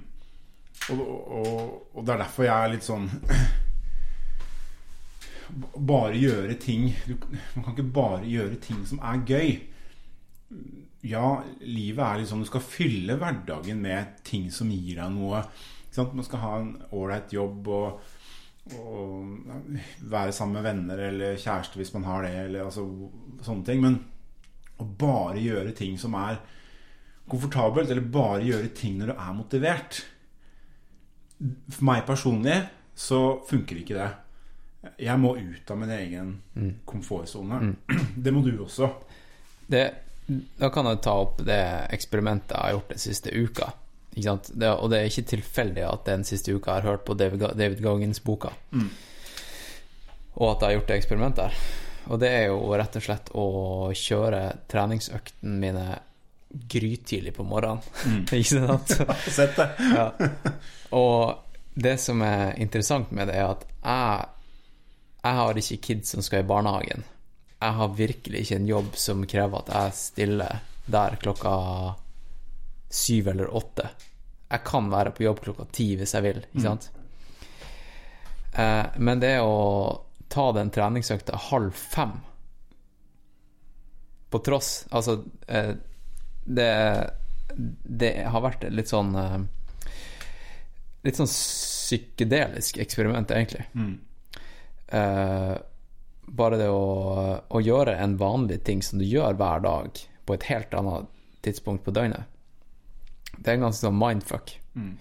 Og når du gjør den der, når du springer halvmaraton, eh, og liksom dunker eh, ut et halvmaraton eh, i ganske god driv, da Du springer til Hauketo og tilbake eh, på asfalten før byen har stått opp, og du kommer hjem og du er ferdig med økta før du vanligvis ville spist frokost. eh, og, og du drar på jobb og liksom har gjort det verste som eh, som dagen eh, bringer deg. Det er unnagjort. Nå kan dagen bare komme. Sant? Kanskje du har en ti, easy 10 km på kvelden som du skal gjøre, men eh, det, det verste er unnagjort. da det har vært ganske et ganske sunt eksperiment for min del. Ja, og det er ingen som ber meg om å gjøre det. Nei. Han Sondre, coachen min, han vet jo ikke at jeg har gjort det her. Nei. Jeg har ikke logga noe i treningsdagboka denne uka. Jeg har ikke hva som foregår. Det eneste er at eh, jeg, jeg fikk en del sånne her eh, kommentarer på forrige eh, fellestrening av tirsdag. For jeg, jeg deler jo har jo begynt å dele mer på Strava av det jeg gjør. Og, og da var det sånn her Folk trodde det hadde tørna for meg. faen er det du gjør her? Burde ikke du være hjemme og sove? sa han. Er ikke det litt for seint for deg, Hans Christian? Klokka seks på kvelden? Sant? Eh, men eh, jeg, jeg har digga denne uka her. I dag, i dag starta jeg litt seint. Jeg var på Bislett klokka åtte, for da åpna det. Eller jeg kom inn fem på åtte, for det var en vasker som eh, skulle inn tidlig. Men ja. um, uh, det har vært et veldig kult eksperiment, og jeg tror det uh, det lar seg ekstra gjøre uh, nå når det er på sitt mørkeste i Oslo. Når liksom døgnet Det er bare et par timer lyst, ikke sant. Da spiller det ingen rolle når du gjør det, egentlig. Nei. Og jeg har jo ikke Jeg har jo ingen uh, kjæreste, samboer eller uh, kids. Mm. Det er ingen som, uh, som bryr seg om når jeg trener. Og det Eller gjør det jeg, jeg, jeg kan gjøre hva jeg vil. Mm. Og den friheten der uh, syns jeg er artig å tukle litt med, da. Mm. Med tidspunkt jeg gjør ting på døgnet. Det skjønner jeg veldig godt. Og det eh, Jeg er jo kjenner meg veldig igjen. Jeg har vært sånn morgentrener og morgenløper i, i mange år nå, er Men fordi du må? Av jobb? Eller fordi Nei, du det- digger morgen? jeg, jeg elsker uh, morgentrening. Jeg syns det er tyngre. Jeg har begynt nå å øve på å løpe etter jobb, uh, bare for å liksom vende kroppen litt mer til det. Men jeg bare digger når jeg kan svinge ut av døra eh, med sekk på ryggen eh, i femdraget og, og løpe 15 eller 12 eller 15 eller 20, 21, 22 km. Og liksom være klar for jobb og sitte klar på kontoret liksom halv åtte, så er jeg på en måte fresh and ready. Ja. Jeg har løpt, jeg har dusja, fått meg en god frokost og er liksom bare bring it on. Fy faen, tenk deg, du, du før jobb så har du sprunget halvmaraton, og i 2013 så hadde du ikke sprunget en meter. Nei, Nei det, er, det er ganske Nå er det liksom en, en, en sånn her eh, triviell, hverdagslig ting. Ja, det er, det er blitt en sånn derre Det koster meg ingenting. Eh, jeg kan eh, Jeg har mange ganger stått opp klokka halv fem-fem i helgene og bare drar ut og løper tre mil Ja. eh, med liksom en halvliter vann. Liksom. Det koster meg ingenting lenger Nei. å gjøre det. Jeg kunne gjort det hver dag i én måned. Jeg kunne løpt en maraton hver dag i én måned uten problem. Hvis ikke jeg hadde fått en skade, da. Fysisk sett, Hvis altså. man ikke hadde fått en skade. Ja. Ja. Men sånn uh, Men sånn hodet mitt jeg har, jeg har gjort Jeg har liksom eksperimentert noen ganger sammen med Sondre. Noe sånn back to back to back. Man har kjørt uh, maraton to dager på rad, eller Ja, ja. 30-40-50 km rolig. Det er liksom ikke noe stress. Nei. Eh, Nei, altså når det er lav intensitet, så får kroppen til veldig mye. Ja, det Ja. gjør det, og det er, jo, det det handler om. Eh, det er som man sier eh, It's not eh, the distance that kills, it's the speed that kills. Okay. Uh, og for min del altså, er nok det stemmer litt uh, fordi jeg er en såpass svær og tung løper at uh, jeg må bygge grunnlaget mitt med mye mengde, og så supplere med, med tempo etter hvert. og derfor så Min sånn formsyklus gjennom året er litt sånn, går litt sånn opp og ned. Da.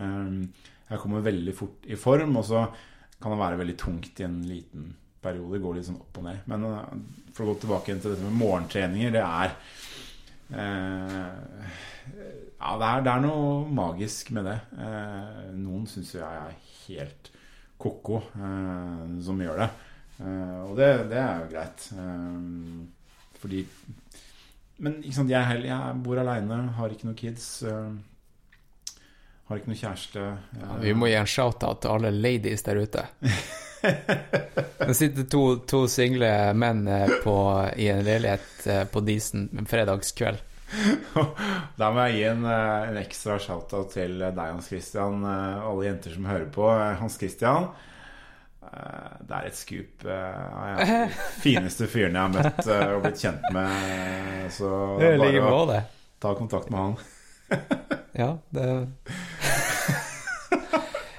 Ta kontakt med Thomas. Dere vet hvor dere finner han på Instagram. Eller i eh, I kjelleren på Bislett. Er, eh, jeg er veldig jeg prøver å være litt privat av meg når det gjelder akkurat det, det området der, så um, Jeg liker på en måte det Jeg liker å ha det sånn som jeg har det nå. Ja. Uh, og ja. Jeg har, ikke, jeg har ikke lyst til å snakke så veldig mye om akkurat, akkurat det. Nei, det er helt greit, det. Um, men uh, ja, det, for å snakke om det, så kjærlighet er jo, det er jo veldig Det er vakkert, det er magisk. Eh, Både kjærlighet til liksom, venner og jobb og løper, men klart kjærlighet mellom to, to mennesker òg er jo Den følelsen av å elske og bli elsket er jo Ja, det er ikke mye som slår den. Ja, nå er det så lenge siden jeg kan ikke relatere. Ja. Men jo, det er sant, det.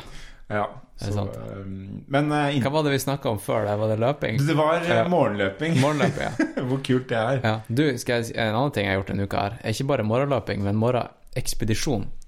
Morgenekspedisjon. Ja, altså, også uh, fordi Du så kanskje i gangen, så står det noen rando-ski. Ja, stemmer det. Det, det er et nytt, nytt eksperiment. Som jeg begynte å skal innføre i treninga. Og nå er det kommet uh, litt snø opp i, i marka. Mm. Så det jeg gjorde, jeg tror det var på, jo, det var på tirsdag, var at uh, Eller mandagskveld da jeg gikk og la meg, klokka halv ni, eller hva for noe, eh, så tenkte jeg hva skal jeg gjøre i morgen som er frem, sånn, den hverdagseventyret. det var egentlig det som har trigga meg, å gjøre noe sånn spesielt hver dag Mm. i hverdagen. Og, og det tenkte jeg var Shit, jeg skal, jeg skal ta og dra på en liten eh, randotur på morgenen før jobb. Ja.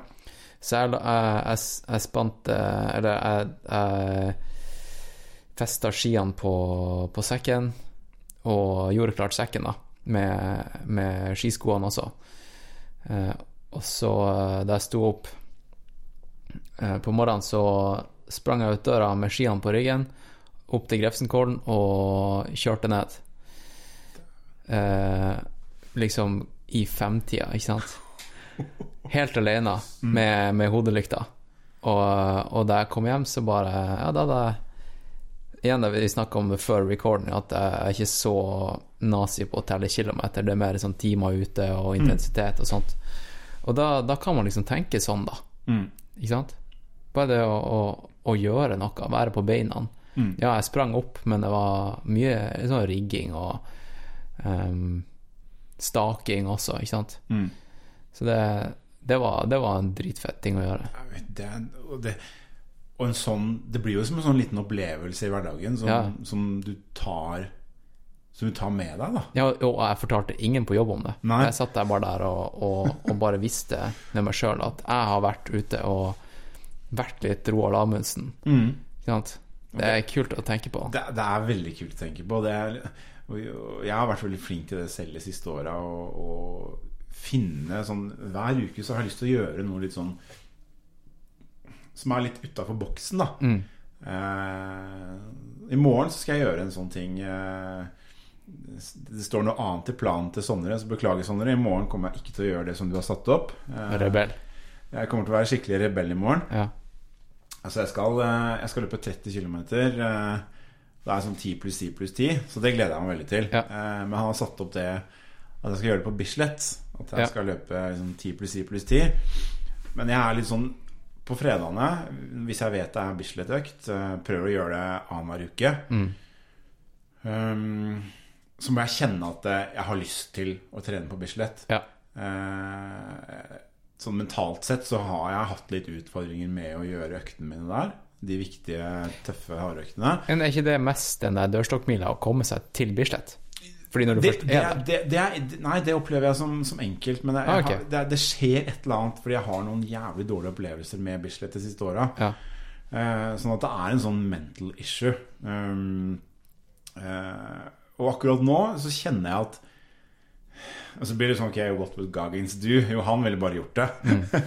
men, eh, men akkurat den økta i morgen så, så kjenner jeg at Nei, vet du hva, da, da drar jeg på Ullevål, eh, på Elixia der, for da har de møller som går eh, til nesten to timer. Da gjør jeg økta mi der. Mm. ha, I morgen så skal jeg ha Jeg skal gjøre min råeste 30 km ever på mølle. Rått. Eh, det har jeg bare bestemt meg for. Ja, ja, ikke sant. Eh, eh, for nå, nå, nå er jeg sykt bra form. Jeg har bra trøkk i, i hodet, ikke minst. Og steget. Og steget. Ja. Så Det henger sammen. det gjør det, altså. Ja. Så, så i morgen så, så skal jeg bare trøkke til. Eh, tre mil på mølla. Burde gjort det på Bislett, men det får jeg heller gjøre neste uke. Eh, sånn at, eh, og effekten blir like bra. Så det Ja. er, eh, um, og det er sånn, da kommer jeg til å ha en sånn derre kommer til å stå nesten på utsida av Elixia før de åpner, klokka fem på ni. Jeg tror, jeg tror du skulle si fem. Ja, nei, jeg hadde håpet Hadde, Ja, hadde vært åpen fem, så hadde jeg vært der klokka fem. Men jeg åpner ikke før ni. Eh, og det er så kult, fordi liksom, du, du gjør økta, og så sitter jeg i garderoben etterpå, og så bare vet jeg at fy faen, det er ingen i Norge som i dag har løpt tre mil på mølla fra klokka ni om morgenen. Garantert.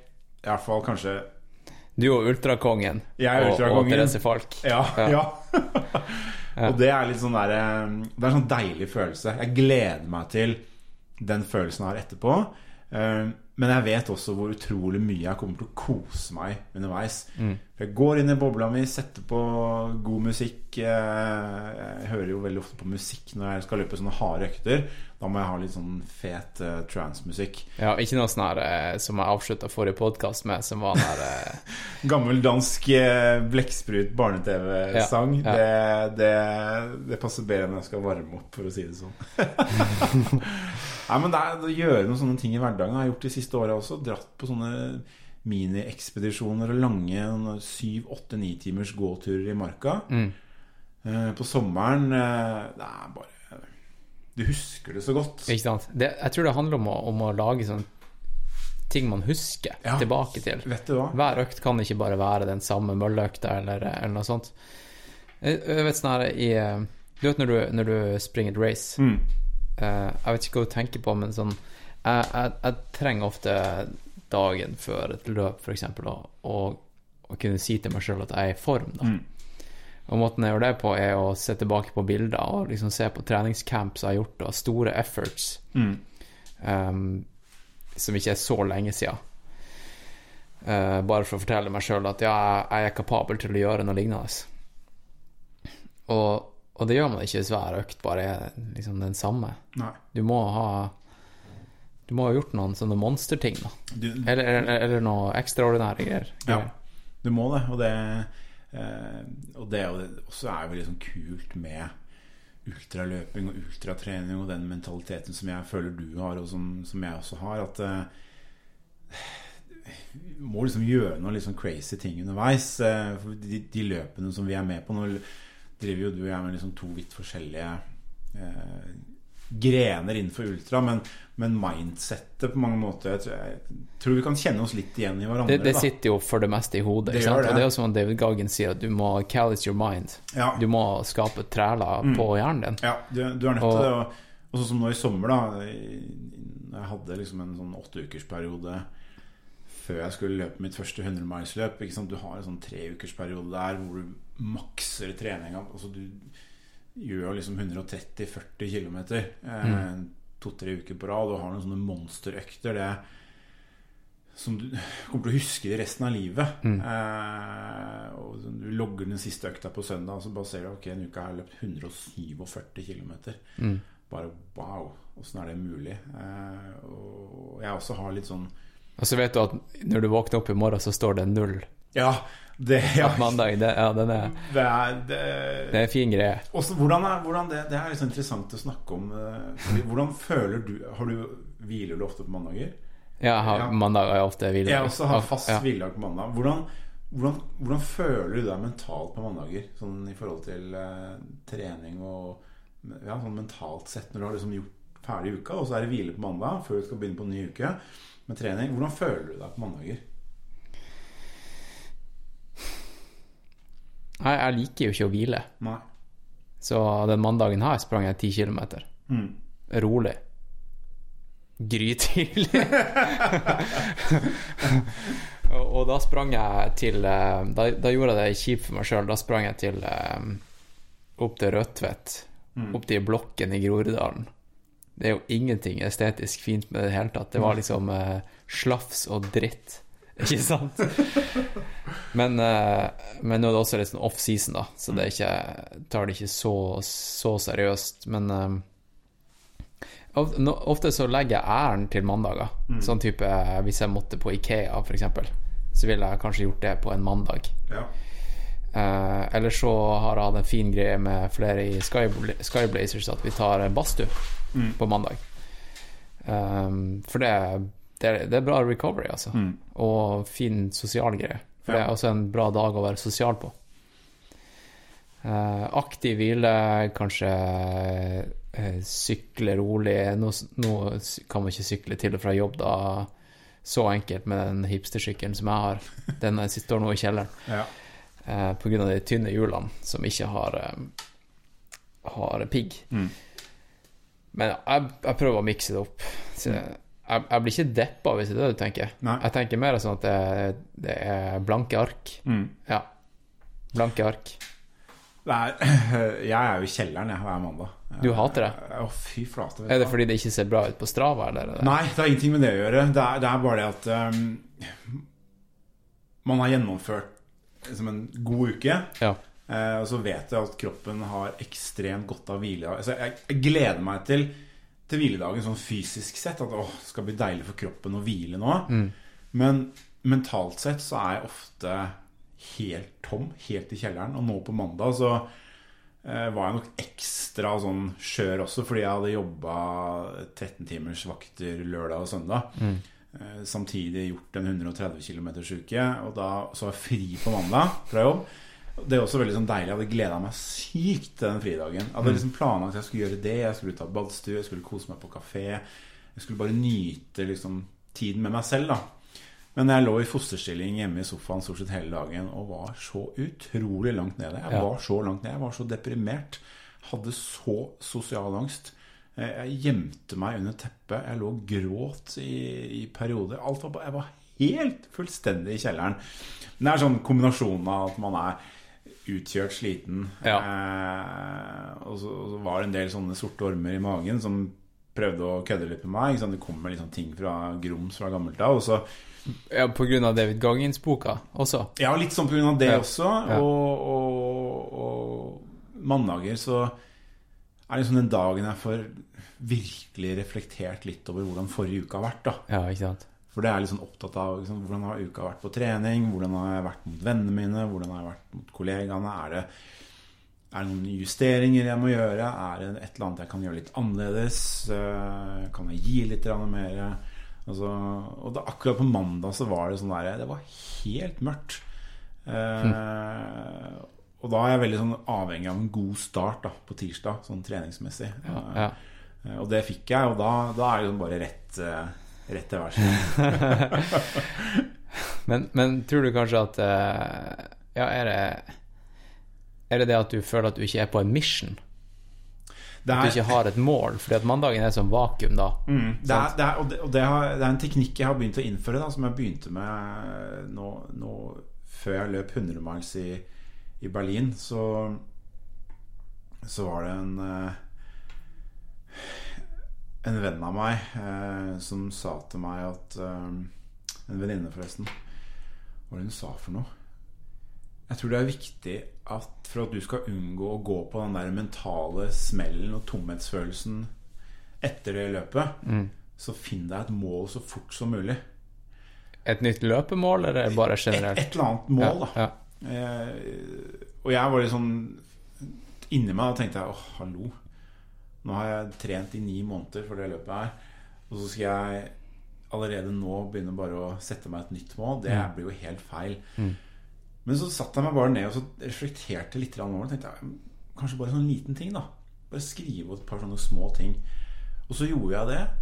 Eh, Jeg husker ikke helt hva jeg bestemte meg for. Det var et eller annet Jeg husker ikke helt hva det var. Eh, Men det var et eller annet konkret. Det som var så utrolig rart, og så morsomt, og sånn spesielt for meg selv personlig Når jeg kom hjem fra Berlin, eh, så var jeg jo utrolig sliten fysisk og mentalt. Men jeg hadde ikke den tomhetsfølelsen. Nei. Fordi Det var ikke den der 'now what'? Nei, fordi jeg visste at ok, jeg har masse spennende å se frem til. Eh, sånn, jobb og venner og, og den type ting. Og, og litt sånn begynte å allerede snuse litt på noen andre løp jeg hadde lyst til å gjøre i 2019. Og, og da fikk jeg ikke den derre mentale nedturen. Eh, jeg, jeg, den bare bygde meg veldig opp istedenfor. Ja. Eh, sånn at motivasjonen min eh, Eller driven min, da. Motivasjon er litt sånn derre eh, Den kommer og går. Eh, liksom, Du må ha disiplin, og du må ha noen som driver deg. Og jeg visste med en gang Og jeg vet veldig godt hva som driver meg. Og da var det så lett å komme i gang igjen etter, etter Berlin. da Etter den eh, voldsomme si, oppturen og nedturen som jeg fikk der på løpet. Eh, som jeg har tatt med meg. Liksom, nå er jeg leverer min aller beste treningshøst ever. Og desember og januar kommer til å være de to beste månedene jeg har gjort noen gang som løper. Mm. så jeg liker å ha noe Jeg må ha et mål der fremme. Som- Og et nytt etter det. ja, Ja. på en altså, og, det, og, det, og det trenger ikke å handle om at jeg skal løpe Unnskyld så og så fort eller så og så langt, men, men jeg liker å, å ha noe foran meg. Mm. Eh, for det gjør at jeg kommer meg opp om morgenen. Mm. Fordi i 35 år så levde jeg uten mål og mening. Uten struktur på noen ting. Eh, og jeg liker å ha struktur på trening. Jeg liker å ha noen høye, hårete mål der fremme. Men, men det viktigste er at jeg, jeg, jeg, har det dritkult. Jeg har det kjempegøy. Jeg har det fett. Jeg er det gøy. Eh, men jeg må ha noe å jobbe mot Mm. personlig. Eh, ja. Når, når du er så deppa som du var på mandag, altså helt nede i kjelleren eh, Klarer du å forestille deg at det blir bedre i morgen? Mm. Eller er du helt sånn eh, øye, øyeklaffer, øyeklaffer på? Det, er, det gjelder å sette, sette livet litt i perspektiv, da, Ja. tenker jeg. Men du klarer det? Jeg klarer Ja, det. Eh, og det var litt sånn eh, Jeg fikk en melding hvor det sto litt sånn Tenk på alle de millionene stegene du har tatt fremover Mm. de siste åra. Mm. Og akkurat i dag så har du tatt et, bare et bitte, bitte lite steg tilbake. Og da fikk jeg meg bare til å tenke at ah, hallo, det er ikke noe stress. Ehm, og da bare uh, Det er uh, Det var en kvinne som sa til meg en gang uh, Enten så går det bra, eller så går det over. Eh, og det aller meste i livet er jo litt sånn, da. Man er litt nede. Det er, det er jo ikke Jeg er jo ikke syk. Jeg liksom dør ikke av det. Det er jævlig kjipt og vondt akkurat der og da, men du vet at det går over, eller så går det bra. Det er som han Scott Jurek sier, da. Det går aldri bare dårligere. Nei, det er, det er et godt poeng. Mm. It never only gets worse. Ja. Ja. en fin quote. Eh, Scott Jurek er jo en eh, legende innen eh, ultraløping. Og har fulgt med på han ganske lenge. Og ja, det er, det er noe i det også. Du må liksom sucker up og, og bare eh, se fremover igjen, da. Eh, ikke se for mye eh, tilbake. Men det er klart det er ikke alltid like lett, fordi når man har, eller er deprimert, eller har bølger av depresjoner og angst, eh, så du vet jo aldri når det kommer. Nei. Men ja, det er jo spesielt eh, hvis man har litt sånn issues med det, og, og du hører på en lydbok der du får en spesifikk oppgave om å ta et oppgjør med fortida, Ja, og det er mandag, og du har, skal ikke trene, jeg skjønner godt at du ender opp i foster. det, det, det, smeller, det smeller bra da. Eh, Det du gjør da, du, da ringer du Hans Christian, Ja, og så prater du om det. nest, Ja. nest, neste gang det skjer, Neste gang så gjør du det. skal jeg ringe Hans Christian, og så tar vi en, tar vi en one-on-one-session. Ja. Ja. Det, men det mentale spiller jo veldig mye inn sånn I hvert fall for meg i livet. Det, det er litt sånn som David Goggin sier. Han, han, han trener ikke for noe spesielt løp. Han trener for det For livet. for livet. da Ja. At eh, Hvis noe forferdelig skal skje, da så er jeg fysisk og mentalt til stede. Og, og, jeg, og jeg liker å tenke litt på det samme, fordi jeg, jeg føler at jeg Jeg vet ikke om jeg har blitt eller blir en bedre person eh, av å løpe så mye og trene så mye, men, men jeg tror kanskje at Thomas blir, han blir mer fornøyd. Jeg, jeg er mer klar til å takle de hverdagslige utfordringene som kommer, da. Jeg opplevde i, jula i fjor at en, en veldig nært familiemedlem Jeg har ikke noe kontakt med, med, med hun i dag. Eh, Det har jeg ikke hatt på mange mange år, men jeg fikk beskjed om at hun hadde havna i koma. Mm. Um, og det var litt sånn da, Det var veldig sjokk, men da kjenner jeg at det, dette her takler jeg bra. For jeg er i god fysisk form, jeg trener mye, jeg har jobbet mye mentalt i, i mange år. Og jeg tror liksom Jeg føler at all den treningen jeg gjør nå eh, 10-12-13 mil i uka Ja, jeg har lyst til å løpe liksom, det løpet, jeg har lyst til å løpe så fort, men vet du hva? For meg personlig, i det lange og det hele, om jeg klarer det eller ikke, det driter jeg egentlig litt i. Eh, fordi jeg klarer å være in the moment eh, hver eneste dag. Eh, og er veldig takknemlig for at jeg hver eneste dag kan løpe så mye som jeg gjør. Eh, og jeg trener kroppen min fysisk, men ikke minst jeg trener hodet mitt. Eh, og jeg er mye klarere. Jeg har en ganske krevende, kul jobb eh, som gjør at du må være på, du må være fokusert. Og jeg føler at uansett hva livet kaster på meg nå, så er jeg klar til å takle det. Fordi jeg har sulla rundt i Berlin i 27 timer. Eh, eh, 160 km og klart det på en dårlig dag. Eh, Du, det skal du prate mer om. Ja. Eh, det skal du prate mer om etter at jeg har vært på toalettet. ja. Det, jeg også Ja. må faktisk en tur på toalettet. Ja. Så vi trenger ikke å gå begge samtidig. Du, du kan gjøre det først, og så kan jeg gjøre det etterpå. Ja. Skal jeg ta på pause, eller vil du ha en liten monolog? Du kan Så- ta på pause. Ja. Gjør det. En, to, tre. Og eh, den tissepausen der, den skal faktisk få lov til å vare i ei hel ei hel uke. Så det er bare å smøre seg inn med tålmodighet, folkens. Det er mye snacks i vente. Det er jo faktisk eh, to timer til med snakk med han Thomas. Eh, der vi annet snakker om eh, Ja, vi oppsummerer løpeåret 2018, og så går vi litt mer i dybden på hans eh, løpe, løpekarriere. Og så kan jeg jo melde om at eh, den der 30 km mølleøkta som han Thomas sa at han skulle gjøre på mens vi snakka, den naila han. Han naila den. Rett og slett. For en champ. For en champ. Så eh, ja, vi snakkes neste uke da, folkens. Og så eh, får dere ha Hvis du nå hører på mens det er jul, så får du ha ei knakende fin feiring. Og hvis ikke, så får du prøve å feire noe annet. OK? Vi snakkes, da. Hei, hei. Did anyone order me a plain cheese? Oh, yeah, we did. If you want any, somebody's gonna have to barf it all up. Because it's gone. Fuller, go easy on the Pepsi. And from the crew of Apollo 8, we close with good night, good luck, a Merry Christmas, and God bless all of you, all of you on the good earth. Oh, jingle bells, jingle bells,